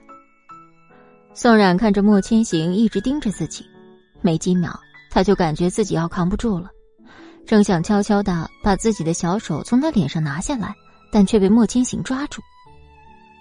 宋冉。你这还舒服吗？怎么还要跑呢？你这是在害羞吗？宋然只是想皮一下，但被假正经的莫千行反调戏，颜面何存啊？他现在只想找个地洞钻进去。车上的温度刚刚合适，宋冉这个瞌睡虫真是走到哪儿睡到哪儿。莫千行只好做他的人肉靠垫。时间就这样很快的过去了。院子里面的花已经谢了，但是现在的样子别有一番感觉。宋冉没有等莫千行下车，就自己跑了下来。李依然刚给宋冉妈妈擦完身子，听见外面有声音，便打开窗子向外看。宋冉是第一个进屋子的，李依然笑盈盈的跟宋冉问好：“宋冉小姐，你来啦。”莫千行和小静是前后脚进来，李依然刚想打招呼。莫千行就说话了：“小静，你陪着李小姐出去转转，散散心。我和宋冉这次在这里多待一会儿。”两人就这样离开了小院。宋冉坐在床前，握着妈妈的手，开始讲自己最近发生的事儿。莫千行一开始还站在旁边，但看着宋冉这么认真的样子，已经不需要他站在这儿，于是就去了角落的小沙发上躺了一会儿。从昨天下午撇下公司去荒郊野外找宋冉，然后又在医院守到他醒来，莫千行一下觉都没有睡。其实他自己也会觉得，现在对宋冉越来越多的是爱，但是他怎么也说服不了自己去娶她。毕竟自己的爸爸妈妈是怎么死的，他比谁都清楚。当自己心爱的女人跟自己的父母需要做一个选择时，莫千行选择。把宋冉永远留在身边，没有名分的情况下折磨她也好，爱她也好，这就是他对宋氏永远的报复了。莫千行看着不远处宋冉轻轻说话的样子，还有已经哭红的鼻头，这个傻女孩，只能留在自己身边，才能好好的生活下去。眼皮在不知不觉中开始打架，宋冉发现莫千行睡着以后。小心翼翼的从橱子里拿出一张毯子盖在他身上。睡着的莫千行最像是一个普通的人。宋冉坐在毛茸茸的地毯上，光明正大的开始在心里勾勒莫千行的样子。一阵困意袭来，宋冉只好起身去阳台上醒醒神儿。祁连松在殡仪馆里处理好薇婉的相关事宜，怀着沉重的心情回了公司。现在，薇婉去世已经是铁打不动的事实了。如果对外宣告薇婉是自杀的话，那么事情一切就变得简单起来。这是祁连松一直都很喜欢自己这个来之不易的儿媳妇儿，现在突然说去世就去世，让他这个白发人送黑发人，还真是一件让人感慨的事儿。祁连松在祁军家里没有等到他，只好摇头作罢。本来只是想来看看他现在的状况。现在只觉得自己多担心了，整理好自己的心情，就回了公司。今天下午的目的很明确，那就是模拟关于薇薇安已经去世的文件，定了下午五点半发布这个让人沉重的消息。但是在五点的时候，齐军主动给祁连松打了个电话，祁连松表示非常意外，因为薇薇安这个人对父子才有了联系对方的机会，想想也很可悲。祁连松把自己的情绪掌握好，不冷不热的接了齐军这通来之不易的电话。喂，你在公司吗？我现在过去。我有一件很重要的事情要和你说。你这个臭小子，是不是又在外边闯祸了吧？老子刚给你收拾完薇薇安这个烂摊子，别再想让我给你收拾其他的东西。祁连松话虽这样说，但心里还是很担心齐军的。齐军早已听习惯祁连松这样说他，反正自己在他眼里就是一个有心脏病的废人，自己就是一个彻头彻尾的失败者。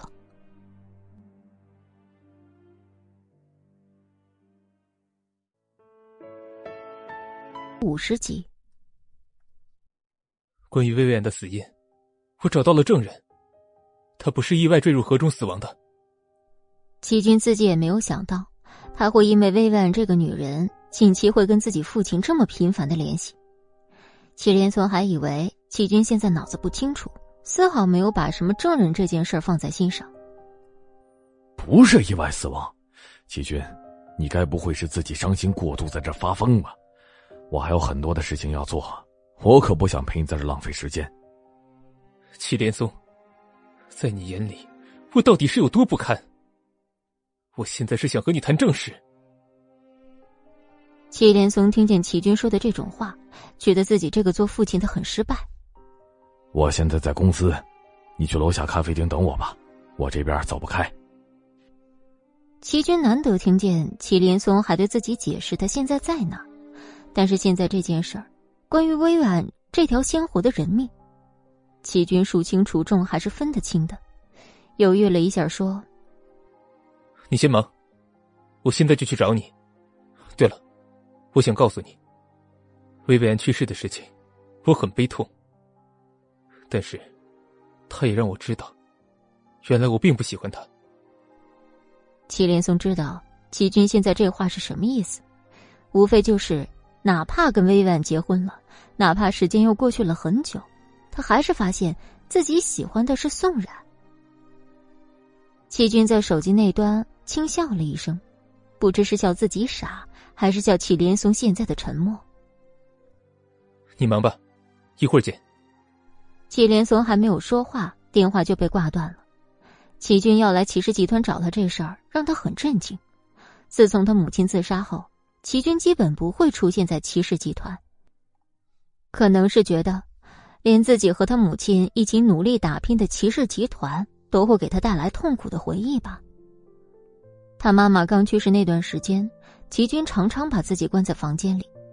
在大个几岁以后，纨绔子弟的样子越发明显，整天混吃等死，让他这个做父亲的非常生气，但也非常内疚。后来齐军大一些了，齐林松并没觉得他这个孩子让自己省心。齐军的心脏病就如同他这个当父亲的心里的一根刺，虽然最对不起的就是齐军妈妈。但是当时被小人算计，最重要的事情就是把齐氏集团经营好，挣钱给齐军治心脏病。国外的心脏病治疗技术比国内要先进，没有经过齐军的同意，祁连松就安排好了一切。齐军知道后也没有多加反抗。那天的天气非常好，就这样，拖着行李箱坐了十几个小时的飞机，离开了生他养他的避世，离开自己的亲人。自己在国外生活了五六年，心脏病当时是得到了控制，但随之疏远的，就是他自己跟祁连松之间的父子情感，这是祁连松疏忽的地方。当他发现时，已经太晚了。现在，两人一见面就会吵起来。齐军懂事以后，就搬离了那个曾经还很温馨的家，自己用自己挣来的钱买了一栋别墅，住在外面。这些，祁连松都是睁一只眼闭一只眼。齐氏这么多年风风雨雨也走过来了，祁连松也很庆幸把齐军送去了国外，这样自己没有了软肋，在商场上也算是个好事儿。小助理敲了敲办公室的门，祁连松并没听见，小助理只好硬着头皮走到祁连松面前说：“齐总，少爷已经在会议室里了。”好，我知道了，你先去给他泡了老样子的茶送过去，我马上就过去。小助理已经跟祁连松征战沙场快七八年了，刚开始时，祁连松和祁军的妈妈简直是业界模范，小祁军也活泼可爱。好景不长，五年发生太多不可控的事儿，这样想起来，其实小助理也有五年没有见过祁军。自己刚才接到前台打来的电话，说是少爷来了，还以为是新来的前台在胡闹，结果电话那边传来的声音确实是齐军。虽然已经过去这么多年，但小助理依然记得齐军的声音，不温不火。小助理把茶泡好送过去时，祁连松也刚刚到。齐军看见小助理，甜甜的笑了笑：“好久不见。”“啊，欢迎少爷回来，尝尝这个茶吧。”齐军很给面子的接过来尝了一口，点了点头：“嗯，果然还是老样子。”祁连松不知道自己有多久没见过这个样子的齐军了。这才像是一个他这个年纪该拥有的样子，阳光、青春。小助理能看见还跟以前一样的齐军，心里已经很满意了，默默的退出了会议室，把空间交给这对父子。门被关上以后，齐军的脸色就变得冷漠。祁连松把一切都看在眼里，心里也是难受极了，一点都没有变。齐军这么无厘头的一句话，让祁连松一直绷着的脸上有了一丝满意。祁连松坐下，示意齐军也坐下。接下来就是聊正事儿了。那晚跟薇薇安一块绑架小女孩的人，我找到了，他可以证明，那晚薇薇安是被人推下河里的。祁连松这才刚刚重视齐军口中那个证人，如果证人说是被齐军推下去的话。齐军应该不是这个样子，所以只有一个结论：那证人指认了莫千行。这是一个可以把莫千行拉下来的机会。我希望你是真的为了薇薇安的去世而上心找证据，而不是为了打压莫千行，然后趁机接触宋然。齐军的脸色当时有了一瞬间的变化，这自然逃不过祁连松的法眼。祁连松还是觉得自己要提点一下齐军。齐军，我希望等薇薇安事件的风波过去以后，你可以好好想想你自己现有的问题。随便，还有十分钟，就到时间公布薇薇安的事情了。我相信我的证人，其他的你来决定就好了。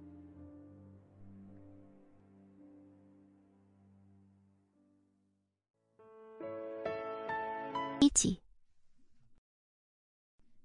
祁连松考虑了一下，这件事不管怎么说，如果能给莫千行招点麻烦的话，这对齐氏集团也是有利无害的事儿。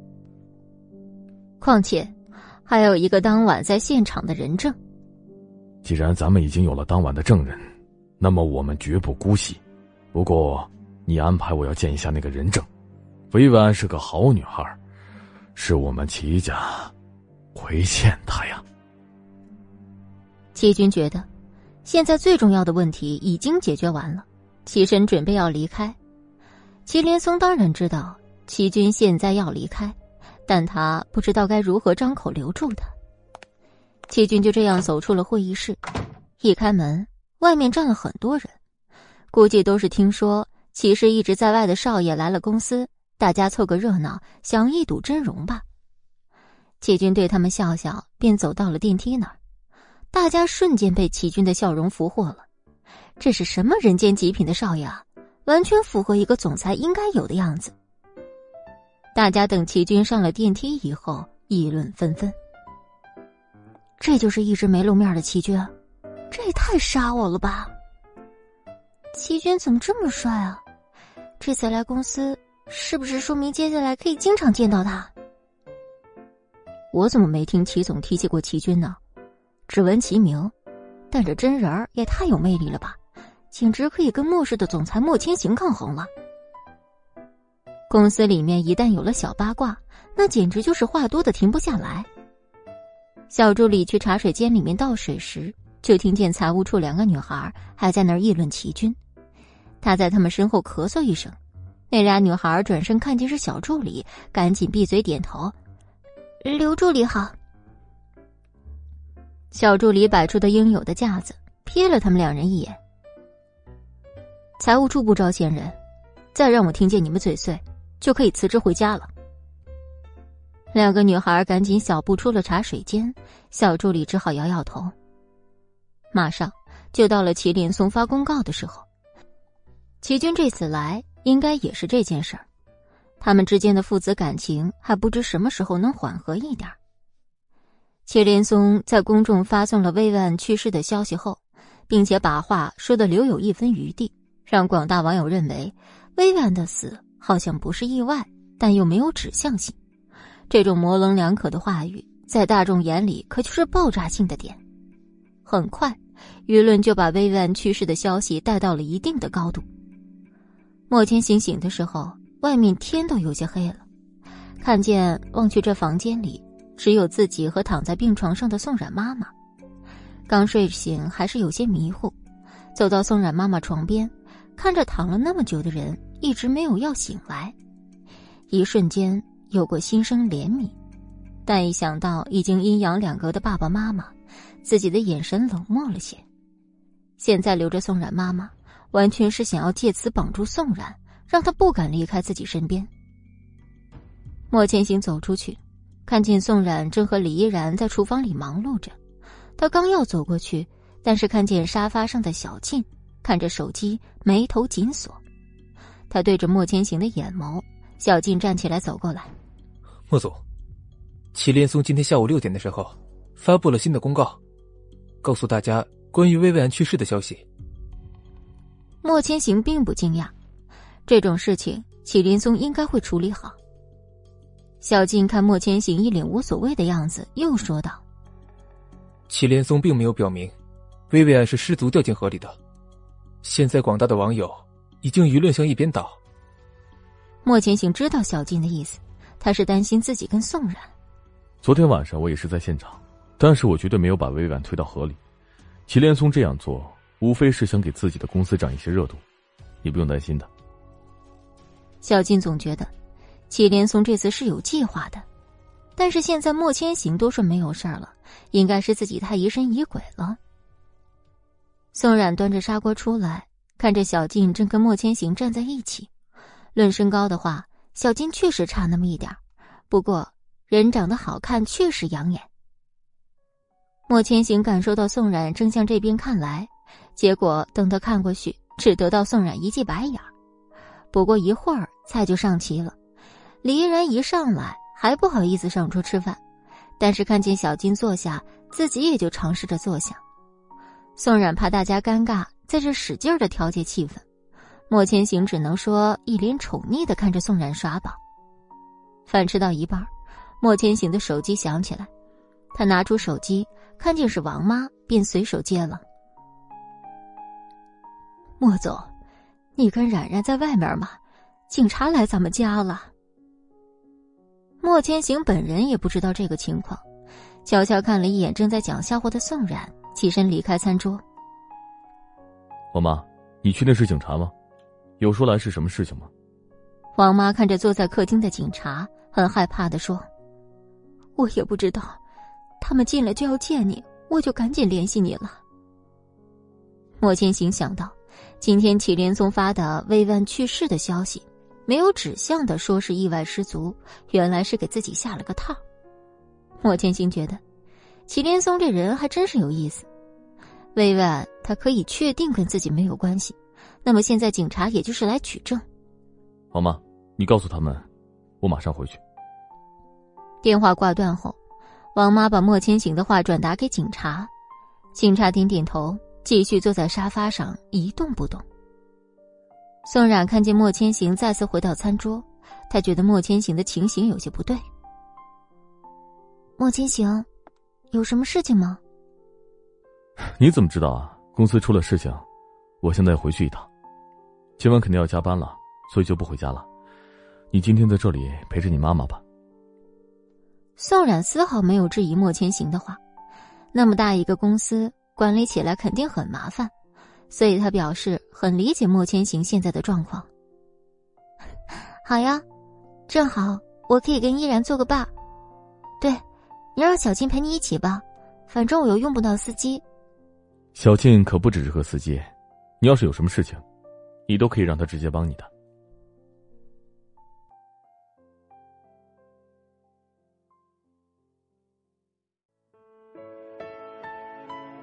二级，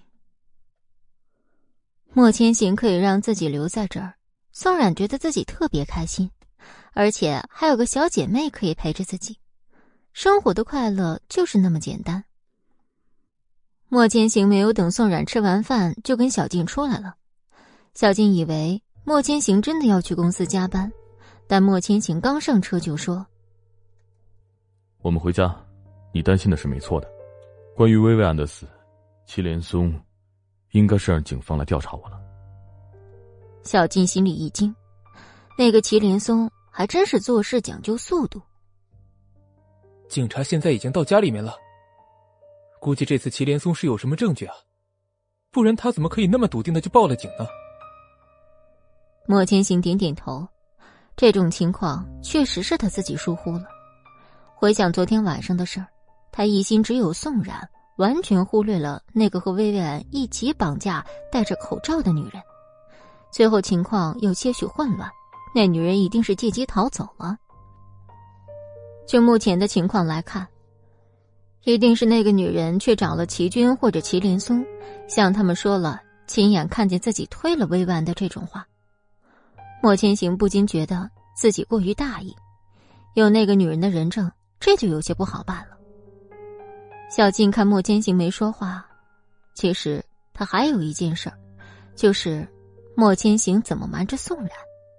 现在网络这么发达，齐连松要是有备而来的话，那么估计。莫千行是杀死薇婉嫌疑犯的消息，很快就会被爆出来。这样，等宋冉自己看见这消息，会比莫千行亲口告诉他还要担心。车子到莫家门口就停了下来，莫千行在车上交代小静去查齐军和祁连松今天的动向，还有最重要的一件事是保护好宋冉。莫千行推门进来，就看到坐在沙发上的警察，还有一旁焦躁不安的王妈。说了几句了解事情进展情况以后，莫千行表示愿意配合警方调查，要跟警察去警察局录口供。莫千行叮嘱王妈，今天下午发生的事儿不要告诉宋冉，以免他会担心。现在这件事儿最重要的突破点就是那天晚上跟薇婉在一起戴口罩的女人。莫千行觉得，现在这个样子只能从这方面下手了。时间倒回今天早晨。齐军跟齐浩白到殡仪馆以后，齐军跟齐连松因为聊不下去而出来，在车上吃了几粒药以后，身体才有所缓和。本来是想开车回家，但手机响了起来，是海伦。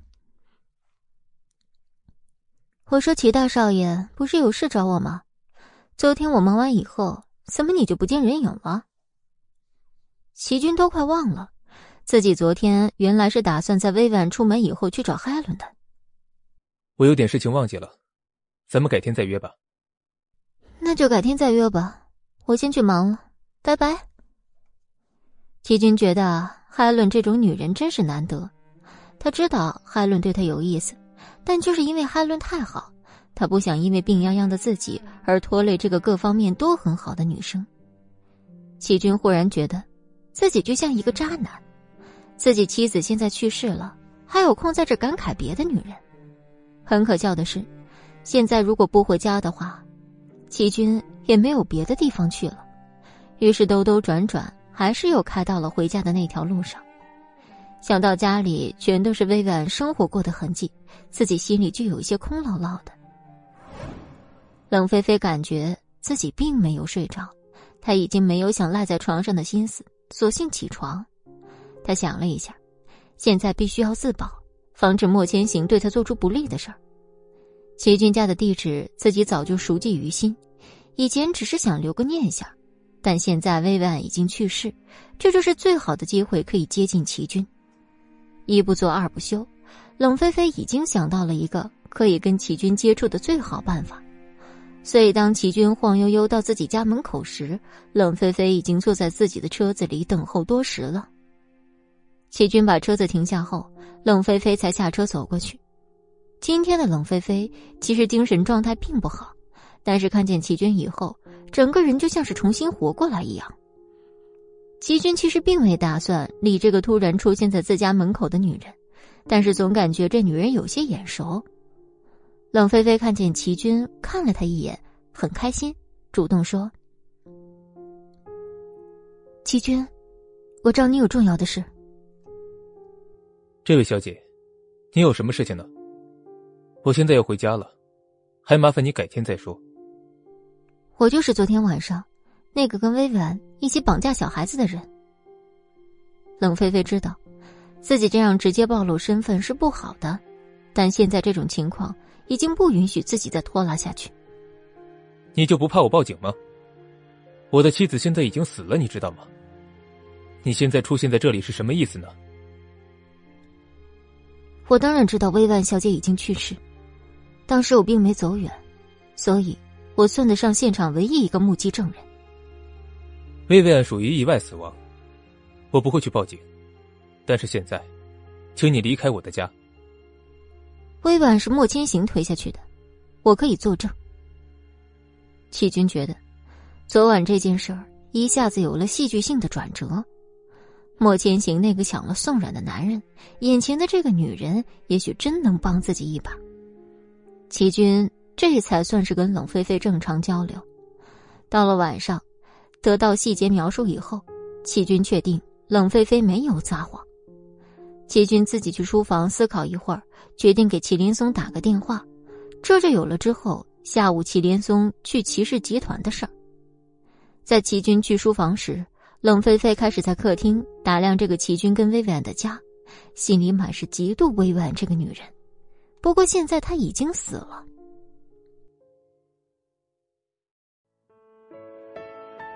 三百五十三集。在去骑士之前，齐军非常绅士的把冷菲菲送到商场门口，互相留下联系方式以后才离开的。冷菲菲从齐军车上下来，心情很复杂。今天和齐军见面以后，齐军都是和他保持礼貌的距离，好像等薇薇这件事一完，两个人就不会再有交集一样。从始至终，齐军都没有主动问冷菲菲的名字，一直叫冷菲菲为小姐。他觉得自己会疯掉，便自己主动介绍。齐军结果还是没能把“小姐”二字去掉，称呼变成了“冷小姐”。不过也有好的事儿，那就是现在至少已经去过齐军家里，两人互相留下联系方式，也算是有了交集。其他事情，冷菲菲只能慢慢来，毕竟这才第一次出现在齐军的世界里，不能一上来太心急，让齐军觉得她是一个过于热情的女人。六点的时候，冷菲菲准备下班，林雨柔给她发消息，说是要一起吃饭。现在已经在来商场的路上了。冷菲菲想着自己也好几天没跟林雨柔联络感情，现在自己已经跟齐军搭上线儿，为了确保不出差错，林雨柔这个人还是要交际着的。冷菲菲先行来到林雨柔常来的那家餐厅，点好菜，然后给林雨柔发消息。老弟房间，好几天没见你了。林雨柔在车上看见冷菲菲发来的消息，心情好的不得了，赶紧回复了几个亲亲抱抱的小表情。在车上无聊刷微博的林雨柔，看见热搜第一竟然是骑士集团，第二条更让她震惊：薇婉那女人竟然死了。这种爆炸性的消息，林雨柔当然第一时间就截图发给冷菲菲。薇薇啊。你知道吧？就咱们那天在温泉小馆见到那个女人，齐军的老婆。冷菲菲收到消息时只是冷笑一下，自己当然知道薇薇，但是她并不打算对林雨柔说昨天晚上的事儿，毕竟人心隔肚皮。林雨柔没有等冷菲菲回复，却又给自己的父亲林朗成发了消息，自己这几天都被看在家里，快无聊死了，最后。还是林朗成看不下去，才放他出来。你快看微博，骑士集团这次不会是栽了吧？林雨柔还附赠一张微博热搜截图。林朗正在公司也注意到了祁连松这次做的文章，心里总觉得哪里不对。收到林雨柔的微博截图，打了电话过去。你现在在哪里啊？我记得你和齐家那个儿媳妇也有过交集。爸。我这几天被你关在家里，你又不是不知道，所以这事儿真跟我一点关系都没有。那就好，咱们林氏集团做一个局外人就行了。其他的事情看看祁连松那个老狐狸到底要干什么。你柳姨今晚下厨，你早点回家。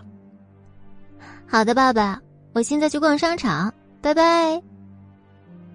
挂完电话以后，林雨柔的心情没有因为自己父亲怀疑自己就郁闷，八卦的心理使他一直在刷微博动态。薇薇安被爆出是骑士董事长，一直不太在公众面前露面的齐军妻子。昨晚，薇薇安掉进河里时，莫氏总裁莫千行也在现场。微博的实时动态不断更新，今天应该是 B 市里面三大集团除林氏以外最有波动的一天了。关于莫千行也被顶上热搜，舆论马上往莫千行的嫌疑上倒。明眼人都能看出来，齐氏集团这次。是要把莫氏集团拖下水。到了西餐厅时，正好上菜。冷菲菲看着林雨柔坐下，说：“好几天没看到你，也不来我店里找我玩。”菜上齐后，先拍照发朋友圈。林雨柔一边看着让自己满意的照片，一边说：“哎呀，你别提了，最近我爸不知哪根筋不对，都不让我出门，这几天可把我憋坏了。”冷菲菲还以为林雨柔背着自己有什么动作，结果是她最近出不来。林雨柔的心情以肉眼可见的变好，于是主动说起骑士这次宣布薇薇安去世的消息。菲菲，你知道吗？现在骑士跟莫氏公开叫板，我们林氏这次简直是这件事中的一股清流。我爸说了，这叫坐收渔翁之利。冷菲菲心想。莫氏本来就是要除掉的，但是骑士是不会倒的。倒是林氏高兴不了太久，等齐军接受了他，他一定会帮他重振骑士。看着林雨柔现在春光满面的样子，冷菲菲只好假笑：“啊，雨柔啊，莫千行这次也被牵扯进来，莫氏会有什么损失吗？我觉得，其实也没有针对莫氏啊。”你懂什么？薇婉去世的消息，其实把结果说的模棱两可，既没承认是意外，也没说是被害，这就是最大的针对。现在莫千行被爆出来，薇婉死亡的时候也在现场，那网友就开始各种猜测了。莫千行如果只是一个嫌疑人，可能这事儿要不了多久就过去了；但如果他就是杀人凶手的话，那这事儿就直接影响到了莫氏集团。冷菲菲听完林雨柔的话，自己更加坚信要帮齐军作证，来证明薇薇安不是意外死亡了。只要自己一口咬定，就是莫千行把薇薇安推下河的，就一定没有问题。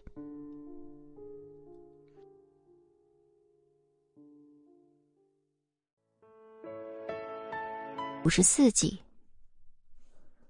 莫千行把警察送走以后，紧接着就回到公司。和思慕还有暮云交代了这几天需要注意的事情，不打无准备之仗。莫千行这次倒要看看祁连松要出什么幺蛾子。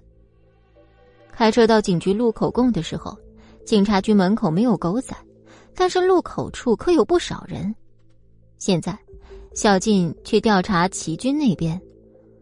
莫千行不怕他们，怕只怕他们拍了以后让家里的宋冉看见。小姑娘会担心。现在时间紧急，也没有别的办法，莫千行只好直接把车子开进警察局。于是，这就有了微博上的热搜。莫千行坐实了网友们的猜测，嫌疑人候选人变成了莫千行，大家表示心疼齐军。这件事儿传得沸沸扬扬。警察告诉莫千行说，现在齐家有个目击证人，同时出于对证人的安全。不能告诉莫千行那证人是谁。莫千行表示自己是无辜的，现在愿意配合警方，所以齐家的那个证人对他也没什么影响，只希望警察可以去验证那个证人说的是否是真话。面对着久经商场老手的莫千行，他自身发出来的气场完全质压了这些警察。口供没什么好录的，无非是说一说事情经过。莫千行表示。现在自己愿意过来，而不是找律师过来，完全是出于对人民警察的信任。警察可不要辜负他们这些人的信任才好。警察觉得，莫千行这次来警局，完全是来给他们指导工作的。天知道他们警察的不容易。宋冉和李依然在莫千行和小静走后也没闲着，把饭桌收拾完以后，又拉着依然去研究烘焙去了。莫千行的担心是多余的，宋冉并不迷恋手机，所以直到睡觉前也没有去找自己的手机，就跟李依然在床上睡着了。随着微博热搜的发酵，莫氏集团的股票持续下跌，这让闲来无事的股东们坐不住了。持续施压给思慕还有慕云，说一定要召开一次会议，但是现在根本联系不上莫千行。莫云坚持着莫千行留下来的话，没有去联系莫千行解决公司的问题，只是不禁感慨：这群老家伙也太难对付了吧！莫氏的股票虽然下降，但完全在莫千行说的可控范围内。思慕不禁佩服莫千行提前的推断，这人跟人还是有差距的。公司的人已经被思慕还有慕云给吃了定心丸，大家坚信这场风波很快就会过去。只是在外人的眼里，莫氏这次是倒霉了。另一边，莫千行派出去的小静做事效率一直很在线。莫千行在开车准备回家时，接到了他的电话。喂，莫总，人我已经查到了，这个女人叫冷菲菲，不光和薇薇安有接触。还和林雨柔也有关系。我查到了这个女人一直都有注意齐军的动态，并且今天还在其实没有发声明之前去了齐军的家里，帮我找到他的地址，我要见见这个女人。好的，莫总，我现在就着手去办。你所有的未知身份全部不能暴露，你现在的身份只能是莫家的司机。小静挂了电话，把莫千行说的话谨记于心。冷菲菲和林雨柔分开以后，在店里没待多久，就接到齐军的电话。他按耐住自己激动的内心，把手机接通。那边传来齐军一如既往的温柔声音：“喂，是冷小姐吗？”“嗯，我是。”“是这样的，冷小姐什么时候有空，咱们见一面吧。关于我的妻子薇薇安死亡的事情，我的父亲。”有很多的话要和你聊聊，你看你方便吗？好，我随时都有时间。你看，要不你约个时间见面吧？那我们就约在明天的中午吧。你到时候可以把地址发给我，然后我去接你。好的，那麻烦你了，齐军。没关系，明天见。齐军之所以没有安排在今天，是因为他这次约了海伦见面，他一定不会再放海伦鸽子了。半个小时以后，两人前后脚来到茶馆，海伦自然的揽过齐军的腰，但是不容自己贪恋，就赶紧放开。齐军啊，你能不能多吃点饭？我觉得你真是越来越瘦了。怎么，不打算问问我关于薇薇安去世的事情吗？切，你老婆去世关我什么事啊？我并不在意，好吗？海伦，其实我也不在意。你说我是不是太不是人了？我一直也没觉得你喜欢薇薇安，可能只是一种习惯性的离不开吧。不过你们骑士这样针对莫千行，不怕他反弹吗？我针对莫千行，祁连松也是这样说我的。但是他为了公司，还是愿意和我这样做的。祁娟，你什么时候能成熟一点？你父亲这样做不全是为了公司，也是为了你好。我想让你帮我调查一个女人，她现在在国外，是那个当面爬上祁连松床，害死我母亲的女人。海伦适可而止，没有再说祁连松，而是无条件的答应帮齐军的忙。商场里面的冷菲菲挂断电话以后，还一直沉浸在齐军迷人的嗓音里。明天见这三个字实在是太美好了，一句明天见。让冷菲菲从今天开始就怀着一个美好的心情，期待着明天的到来。他现在整个人都是开心的，没有要提前下班的意思，在自己的店里试起明天要穿的衣服，丝毫不知道，此时的莫千行正往商场这边赶。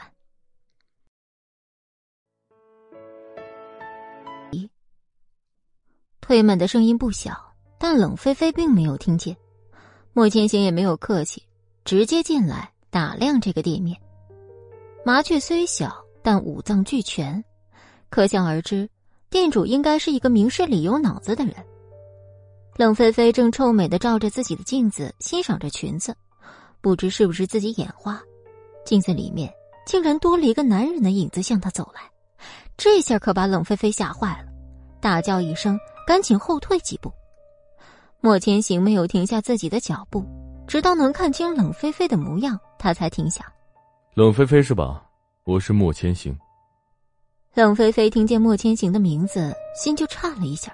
迟迟不敢抬头看着面前的男人，倒是莫千行显得悠闲很多，自己在镜子面前的沙发坐下。冷菲菲感觉莫千行走得远一些，才开始打量这个不速之客，装傻的问：“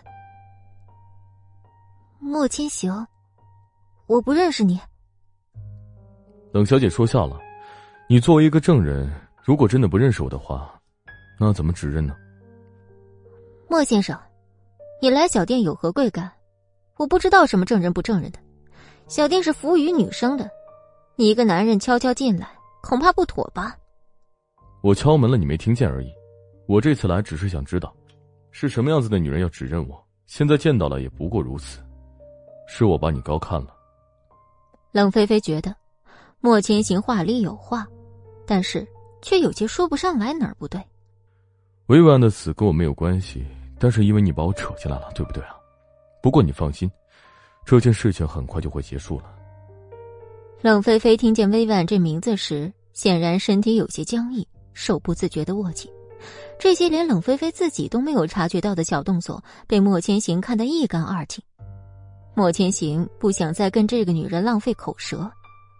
你喜欢齐军不关我事，但是你以后再敢往宋然身上动心思。我会让你付出代价的，冷小姐，还请你自重。说完这句话，莫千行从沙发上起身，离开了冷菲菲的店。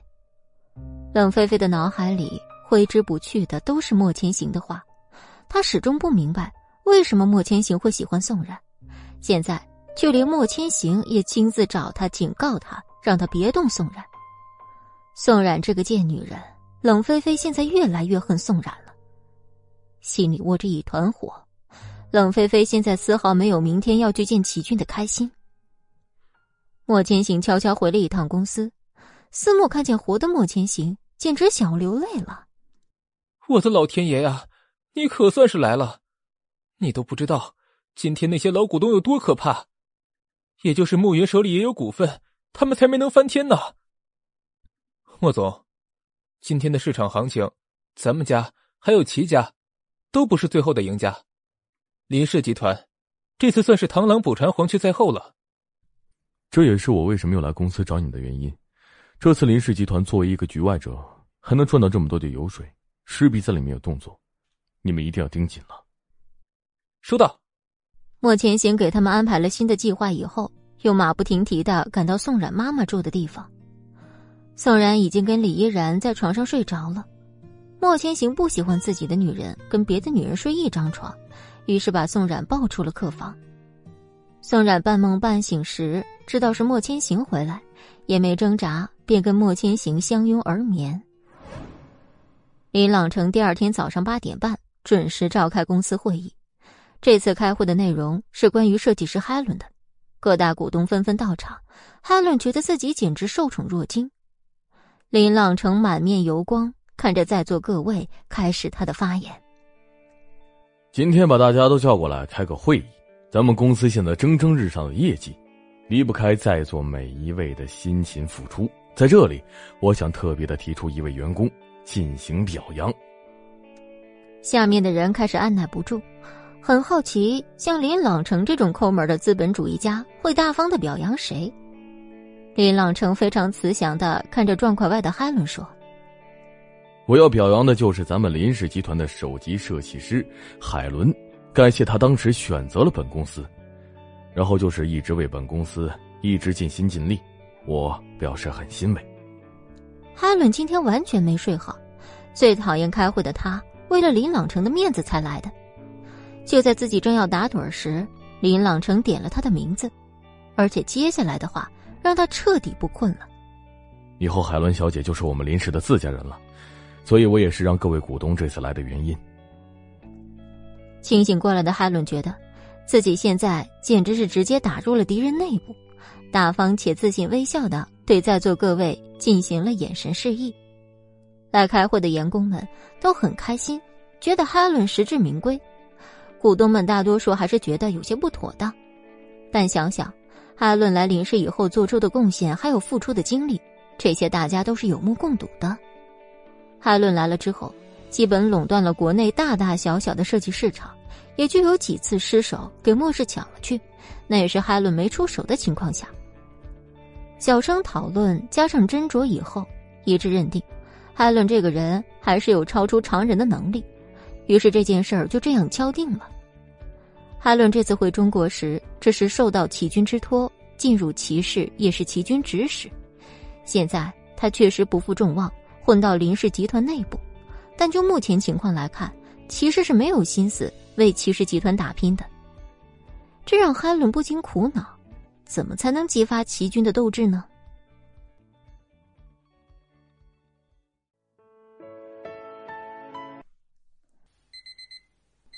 李依然的闹钟响了很久，他翻了个身，够到闹钟，把它按暂停时，忽然发现一个问题：昨晚明明是和宋冉一起睡的。怎么现在这床这么大？想到这儿，李依然才把自己的眼睛缓缓睁开，旁边根本没有人，他还以为是宋冉已经起床了。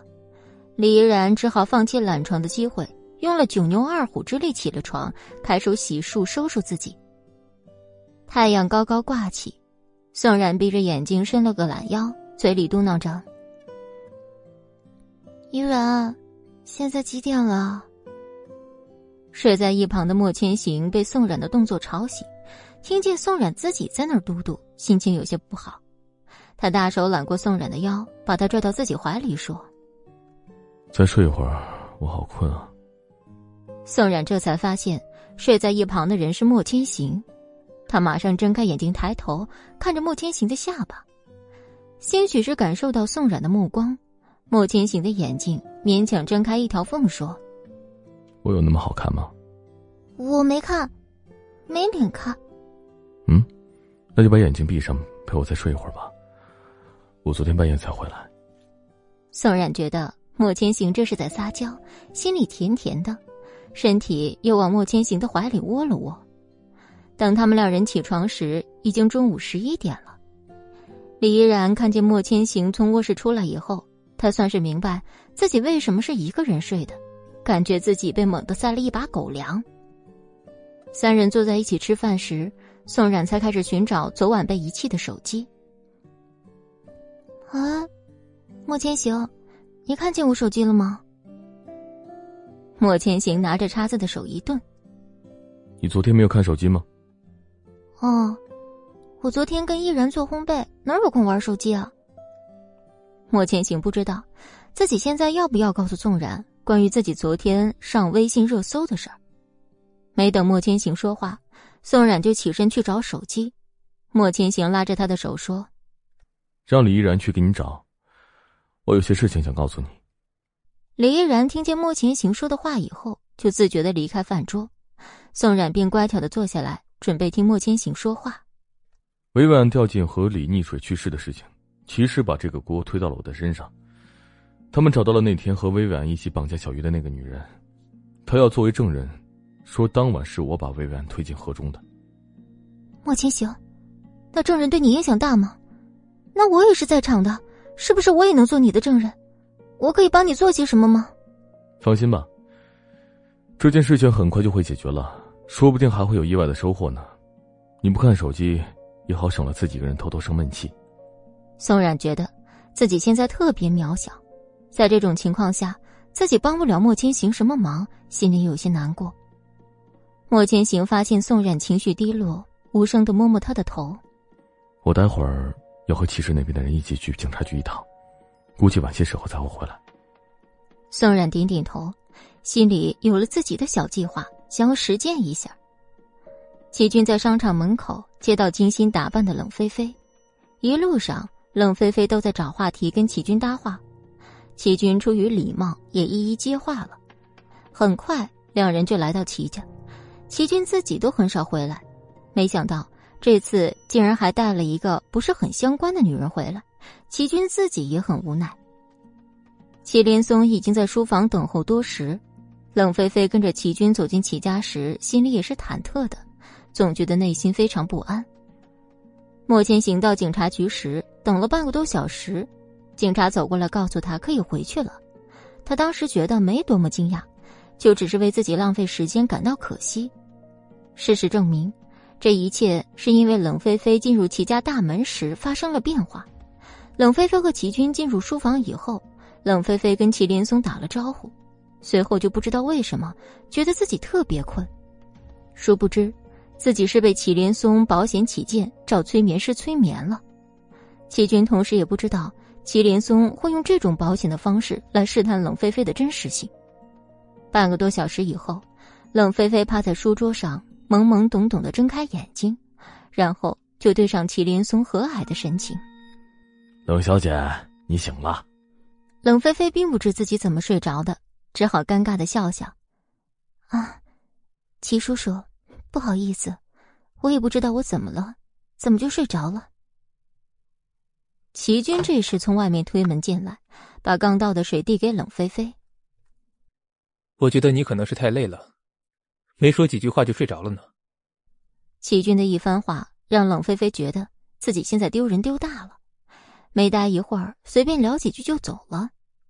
这次齐军没送冷菲菲。冷菲菲今天来见齐连松，他也没提薇薇安去世的事儿。冷菲菲总觉得自己应该快没有价值了。齐军也不理解齐连松这种做法。两人来到书房以后，他就觉得自己的心脏有些负荷过重。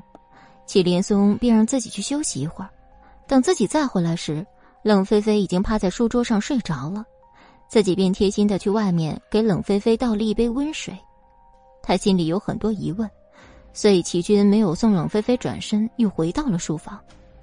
齐连松就像知道齐军回来了一样，还是坐在那儿喝着自己的茶水。是你说你要见证人，我才把人给你带来的。现在这是怎么个意思？冷菲菲在撒谎，莫千行不是杀害薇薇安的凶手。你给我一个理由。我们现在都走到这一步了，有什么理由要放弃？祁连松摇摇头，拿起手机打了个电话：“喂，警局吗？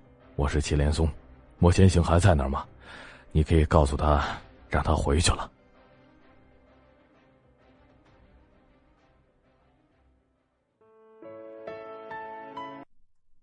挂断电话的祁连松看见齐军并没离开书房，于是他才解释道：“你去休息的时候，冷菲菲被催眠了，她在说谎。当时是薇薇安自己失足掉进河里的，所以这件事情你也可以放下了。”齐军的脸上没有了表情，点点头便离开书房。这个时候，祁连松是不会骗自己的，所以这一次又是自己失败了。齐军的心里非常愤怒，也非常难过。祁连松他也不知道自己该如何教齐军成长，有些事情就在一切都准备就绪的情况下功亏一篑，自己一定要有一颗强大的内心，这样才能在这个风起云涌的山场上站稳脚跟。宋冉在莫千行离开以后，自己又去妈妈那儿待了一会儿，然后便跟李依然告别回了莫家。刚到院子，王妈就看见宋冉回来了，很高兴。但同时，心里的大石头真的是又往上颠了颠。宋冉当然看出王妈的不正常，心里很好奇，于是就问：“王妈，你今天怪怪的？”“那个，没有没有，我就是看见冉冉你回来了，我高兴啊。”宋冉觉得这明明就是有事儿，但王妈不说，自己也不好问什么。自己上楼去整理衣服去了。他看着宋冉上楼的背影，很多话到了嗓子眼儿，但是又咽下去了。在楼下收拾东西，心里还是有些不安。现在已经快下午了，莫千行一直没有音讯，王妈由衷的担心。正在收拾的宋冉抬头，就看见在房门口站着的王妈，她笑了笑。王妈鼓起勇气说：“冉冉啊，有些话我也不知该说不该说，不说我又很担心。”王妈，你快说吧，有什么事儿咱们说出来就解决了。昨天下午，咱家来了好几个警察，把莫千行带走了，到现在也没回来。我看电视上有新闻，好像是说莫千行杀了人。哎，我不是那个意思，我相信莫总不会杀人的，但怎么会出这种事嘛？让人担心。电视里面放那个事儿，我当时也在场。莫千行没杀人，你放心吧。他去警局，也是需要给警察提供信息。这件事是有人陷害他，相信很快就真相大白的。王妈这下总是把心里的石头放下。莫千行没事就好，王妈可是把莫千行和宋冉当成自己的孩子。宋冉给王妈解释了以后，便把卧室的门反锁起来。他现在要做一件很重要的事儿，这也是为什么他要赶在莫千行之前回家的原因。找出自己夹缝中藏的小手机，已经很久没有开机了。宋冉整理好心情，把手机开机，拨打通讯录中唯一一个号码。祁连松正在书房为齐军烦恼，手机响了，他看见久违的号码。喂，齐叔叔，我是宋冉。我知道啊，我一直有跟进当年的事情，还想找个机会告诉你呢。宋冉知道，祁连松这是以为他来问关于自己父母清白的事儿。谢谢齐叔叔一直记着我爸妈的事儿，我这次打电话。主要想问一下关于薇婉去世的事儿。莫千行是无辜的，我已经知道了。现在他应该已经在警察局里面出来了，其他的不用我再多说了吧。宋冉觉得自己真是多此一举。莫千行临走之前已经告诉他事情会解决的，结果自己还是打电话问了祁连松，这下算又欠了祁连松一个人情。祁叔叔。关于我爸妈的事儿，劳您费心了。宋冉啊，你不用过于见外的。我找到了新的线索，是关于你家人的。你的二伯你还记得吗？他可能会是一个知情人士。宋二伯，他不是坐牢了吗？我会想办法找他的，齐叔叔。正事儿说完，祁连松没过多客套，果断的挂了电话。宋冉原来觉得联系祁连松是因为齐军的一个机缘巧合。最初的心是想借助他离开莫千行，但现在更多是想为自己父母洗清冤屈。今天这通电话打完以后，想必祁连松也已经知道宋冉现在是不会离开莫千行了，因为他喜欢他。祁连松心中所想，宋冉猜的差不多，但是还有一点是他没想到的，那就是，确实宋冉是喜欢莫千行的话，就证明齐军这孩子没戏。他只希望自己孩子能早日想明白这件事儿。莫千行来警局时，难免又被狗仔队的人拍到，网络上又是肆意妄为的报道。在等待齐家人来时，莫千行推断，这次可能会直接导致莫氏集团的股票跌得比昨天还要严重。自己从警局出来，想着自己现在必须回一趟公司会会那群老股东，结果刚到公司发现。公司并没有自己想象中的乱。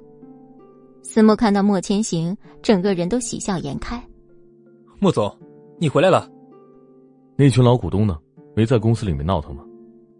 走了呀。刚才的新闻你没看吗？齐家已经声明，薇薇安是失足掉进河里的了。现在网络上的舆论都向着你这边倒呢。咱们莫氏集团跟你沾光了。这可是莫千行没想到的。莫千行笑了笑。心想，看这样，这齐家也不是没有脑子。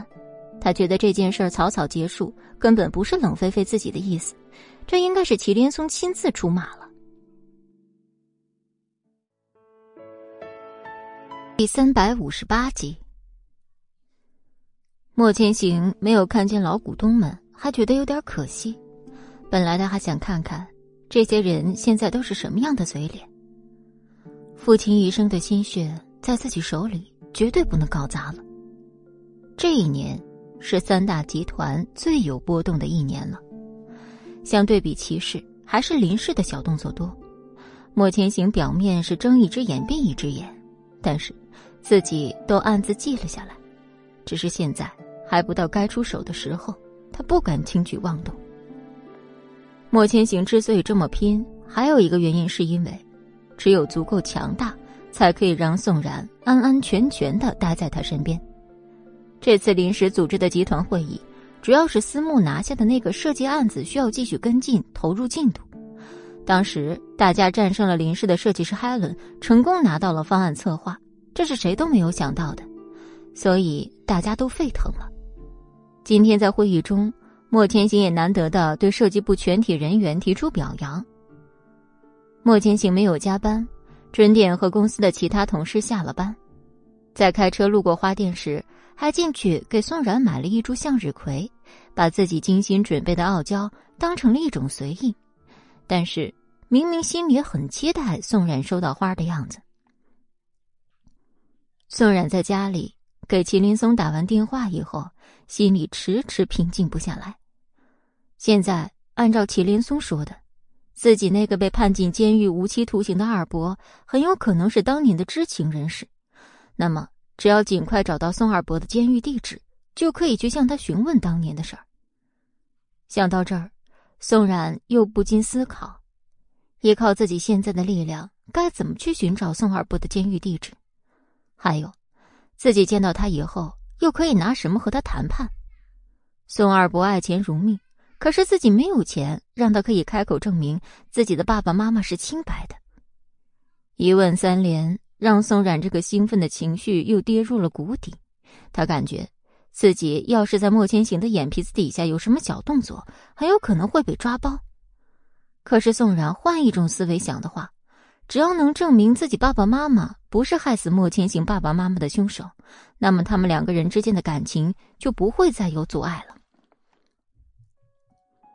梅荣宋冉的脑海中再多几种假设，说曹操，曹操就到。宋冉清楚的听见楼下莫千行的声音。穿上自己的小熊拖鞋，一蹦一跳的下了楼。最近这两天，网络上那些不负责任的键盘侠一直在说莫千行不好，宋冉很是心疼莫千行。宋冉强忍住和他们对着喷的心，让自己不看这些报道，但心里还是会替莫千行觉得不公平。明明自己什么都没干，但是就被泼了一身脏水的感觉，真是太糟糕了。莫千行从自己的副驾驶座上。抱出自己在花店买的花，这时的宋然已经到了门口，正巧把这温柔的一幕看进眼里，心里仿佛是被蜜糖给填满，鼻子酸酸的。莫千行走到他跟前，没有想到宋冉会在门口，所以自己也有点不好意思，只好僵硬的解释道：“顺手买的，现在我不想要了，给你吧。”话说的那么难听就罢了。还把向日葵直接塞进宋冉的怀里，宋冉撇撇嘴，觉得莫千行这一开口，完全打破了自己对浪漫爱情故事的向往。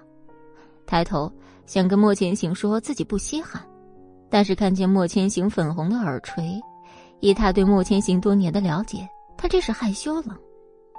宋冉心情大好，本来想怼莫千行的话，变成了：“好吧。”那我也就勉强收下吧。果然，这句话比怼莫千行还好用。莫千行心想，自己专门去花店给挑选的花，到宋冉这儿还成勉强收下了。面子上挂不住的莫千行没再说话，直接走进屋里。宋冉在后面看着莫千行的背影，心满意足。平淡的日子总是过得特别快，这一天。莫千行没有在家，宋冉又去卧室把那个小手机拿出来给祁连松打电话，很快那边就接通了。喂，祁叔叔，怎么了？我最近有在查宋二伯的监狱地址，但我发现他虽然被判无期徒刑，但两年前就被无罪释放了。这就奇怪了，无期徒刑的人怎么会被突然无罪释放呢？这件事情，我会插手去查的。那宋然，我们随时保持联系啊。齐叔叔，你说会不会是有人早我们一步接触到了宋二伯？那这样的话，先找到孙二伯的人，肯定跟当年的事脱不了关系。你说的很有道理，看样子当年的事情，确实还有很多的人还在有动作呀。我一定会帮你父母查明情况的。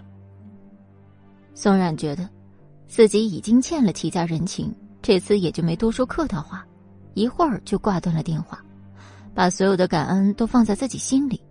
等事情真相大白那一天，宋冉一定会好好谢谢曾经帮过他的人。宋冉还以为自己终于有了新线索。结果现在好不容易查到宋二伯的监狱地址，一切又都断了。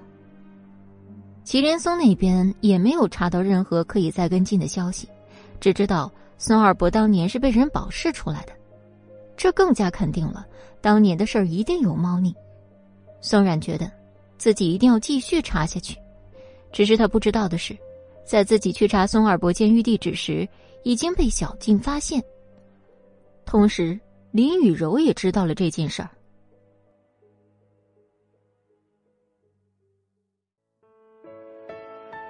百五十九集，小静第一时间把宋冉最近的状态报告给了莫千行。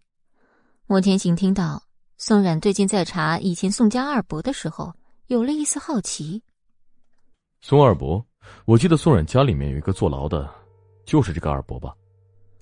莫千行的记忆力还真是太好了，这都是多长时间以前的人物还有事儿，他竟然还能记得。小金点点头，证明莫千行说的对，紧接着把自己私底下背着宋冉收集的材料给莫千行看。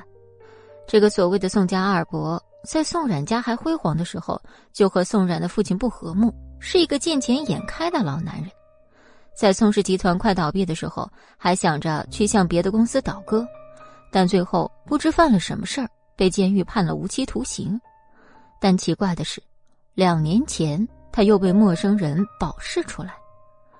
从监狱里出来以后，这宋二伯就再也没有出现在大众的视野中。他去查了这个人，但没有任何消息显示他在哪儿。莫千行觉得，小静这边的功课做得还可以，但现在依旧疑点重重。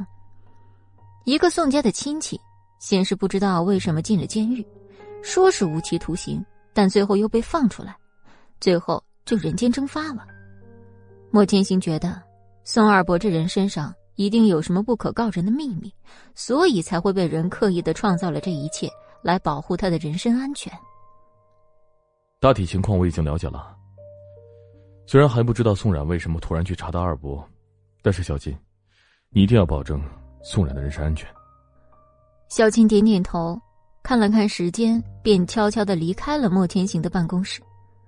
莫千行不禁陷入深思：为什么宋冉一次、两次，甚至于三次，到了现在，自己做什么事儿都不告诉他？这究竟出了什么问题呢？还是说明宋冉根本不喜欢自己，只是为了自己的母亲才留在自己身边？这种想法使得莫千行的心情变得烦躁。他明确的知道自己这五年是怎么过来的。莫千行自己心心念念要回来报仇，但是在看见宋冉这可怜样子时，一切的计划都变了。宋氏集团已经在他手里，但他还并不知足，他要让宋冉一辈子都待在他的身边，为自己的父母赎罪。时间长了以后，他发现宋冉的身上自己又找到了五年前那种感觉，是久违的心跳感。为了让自己集中注意力，莫千行把设计部的人召集起来开会。这次在场的不只是几个熟面孔，还有几个莫千行觉得没见过的人。他眼神一扫而过，然后看向思慕：“介绍一下你的团队吧。”思慕露出标准的八颗牙，微笑的说道：“莫总，我正有事要向你汇报。”莫千行觉得。思慕这个状态有点打鸡血，为了不打击他积极工作的热情，他只好忍住了想毒舌的嘴，点点头示意他继续说下去。暮云能不能借我用几天啊？设计部真的快要忙不过来了。莫总，我看你那么悠闲，也用不到什么助理啥的，但是我不一样啊，我现在最需要人手。这对莫千行来说并没有什么，只是慕云算是自己最得力的手下，自己独当一面都没问题。现在要把他交给思慕的话，莫千行还真的有点不放心。不过自己最近并没有很需要慕云，所以最后还是答应了思慕。思慕听见莫千行同意把慕云派过来给他的项目助力时，整个人都要高兴死了。本来还以为莫千行会不舍得。会议室的其他人得知自己所在的项目不只有思慕这个交际能手，还有一个最强梦云时，心里也暗自高兴。谢谢莫总抬举我，莫总，我太爱你了。周围人哪看过这种投怀送抱的场景啊？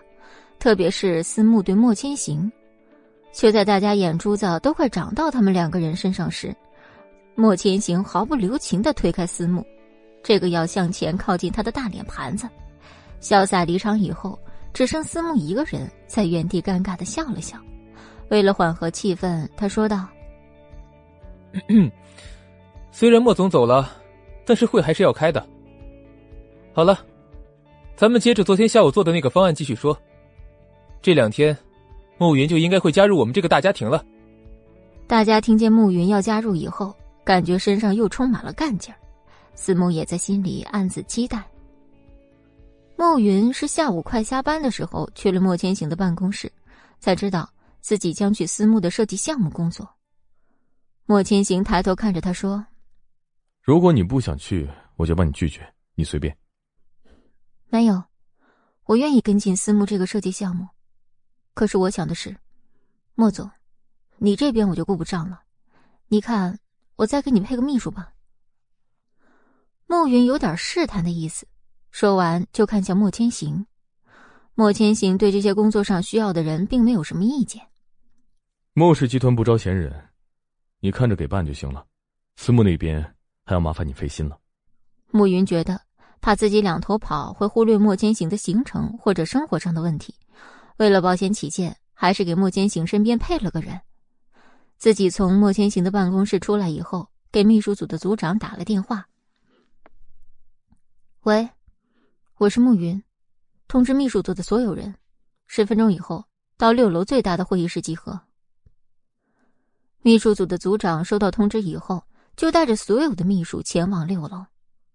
慕云看见面前这二三十个人，直接从综合成绩还有业务能力中选取各方面表现比较好的明蕊。其他人原地解散以后，慕云带着明蕊赶往莫千行的办公室。在电梯里时，告诉明蕊：“从明天开始，你就暂时代理莫总的秘书。试用期期间不许请假，不得有工作上的任何失误。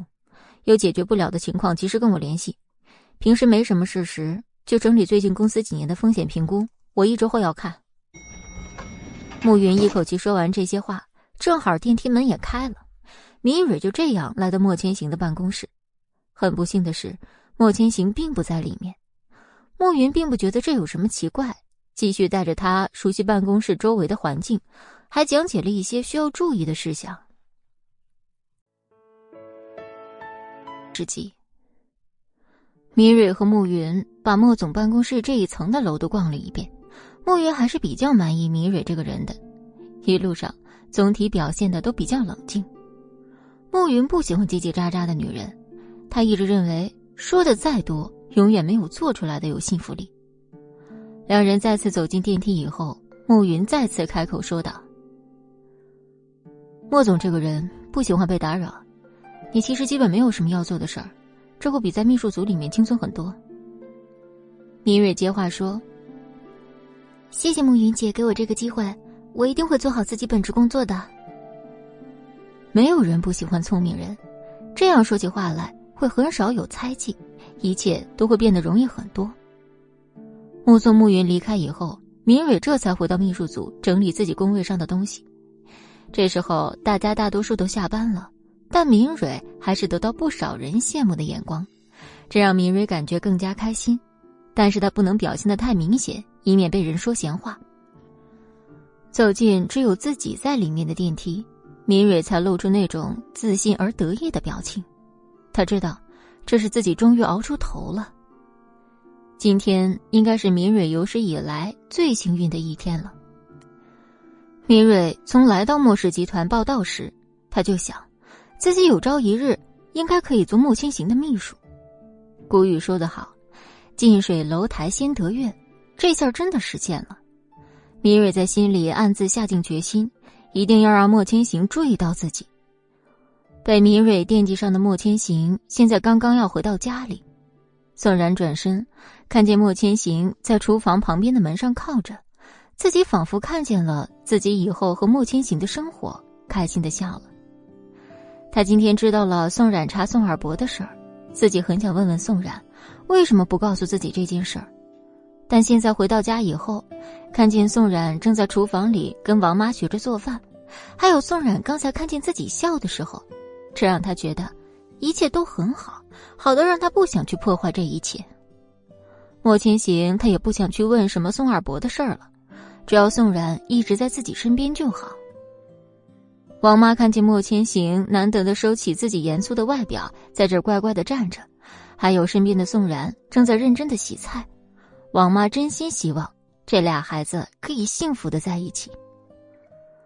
冷菲菲自从跟齐军去见了他父亲以后，齐军就再也没有联系过自己。然后在晚上的时候，网络上关于薇婉去世的消息已经很少了，舆论通通导向莫千行是清白的。这一切就像是网络上的一场雨一样，热度变成了莫千行的个人秀，连带着莫氏集团都跟着沾光。冷菲菲感觉自己做的一切都白费了，这下她也明白为什么齐军没送她回家了，原来是自己没有了利用价值。越看手机，冷菲菲就越会觉得心烦意乱。她无处发泄自己情绪时，就想到了林雨柔。她现在很需要林雨柔带她去挥霍，去打发时间。打通林雨柔的电话，那边秒接。喂。菲菲呀，冷菲菲委屈的对着手机那头说：“雨柔，我现在心情不好，咱们出去玩一会儿吧。我现在好烦啊。”这算是冷菲菲第一次对林雨柔说自己心情不好，以前都是林雨柔在这边抱怨，难得现在冷菲菲说自己心情不好，林雨柔没有犹豫就答应了。那我去接你。咱们两姐妹今天好好放松一下，玩一玩，心情肯定会好的。两个女人碰面以后，先去吃了饭。冷菲菲可能是心里实在有些憋屈，猛喝了一大口酒后，对坐在对面的林雨柔说：“老娘喜欢齐军，很喜欢的那种。”林雨柔还以为。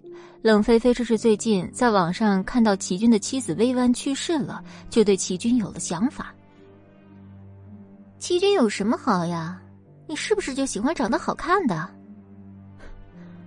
见色起意。算了。他笑笑，拿起自己的酒杯和冷菲菲碰杯，但是他只是小抿一口，缓缓说道：“我喜欢莫千行。”也算是见色起意。一转眼，时间都过去这么久了，但是没用啊，他就是不爱我。冷菲菲又给自己倒了一杯清酒，说：“雨柔，我觉得你跟莫千行是最配的。那什么垃圾宋冉，他就是个情妇。是啊，只有我才配得上莫千行，那宋冉算什么东西？”她可是莫千行杀父仇人的女儿。玉柔，你刚才说什么仇人？宋然要是莫千行仇人的话，怎么可能还能当情妇呢？不不不，菲菲你不明白，莫千行的父母都是因为宋冉父母才死的。我陪着莫千行好几年都没能走进他的心，但可笑的是，他一看见宋冉就不行了。宋冉这女人，真是太让人生气了。雨柔，我替你感到不值。你放心吧，菲菲，我不会让她好过几天的。我可是知道她最近的动向。不说了，不说了，咱们赶紧把饭吃完，我带你去个好玩的地方。冷菲菲听林雨柔这话，应该是已经有了新的计划，满意的点点头。两人又吃了几口饭以后，便换了一套撑场面的衣服，来到林雨柔说的很好玩的地方。酒吧这种地方确实是一个能宣泄情绪最好的地方。两人疯到下半夜，感觉自己的灵魂都被掏空了，才算作罢。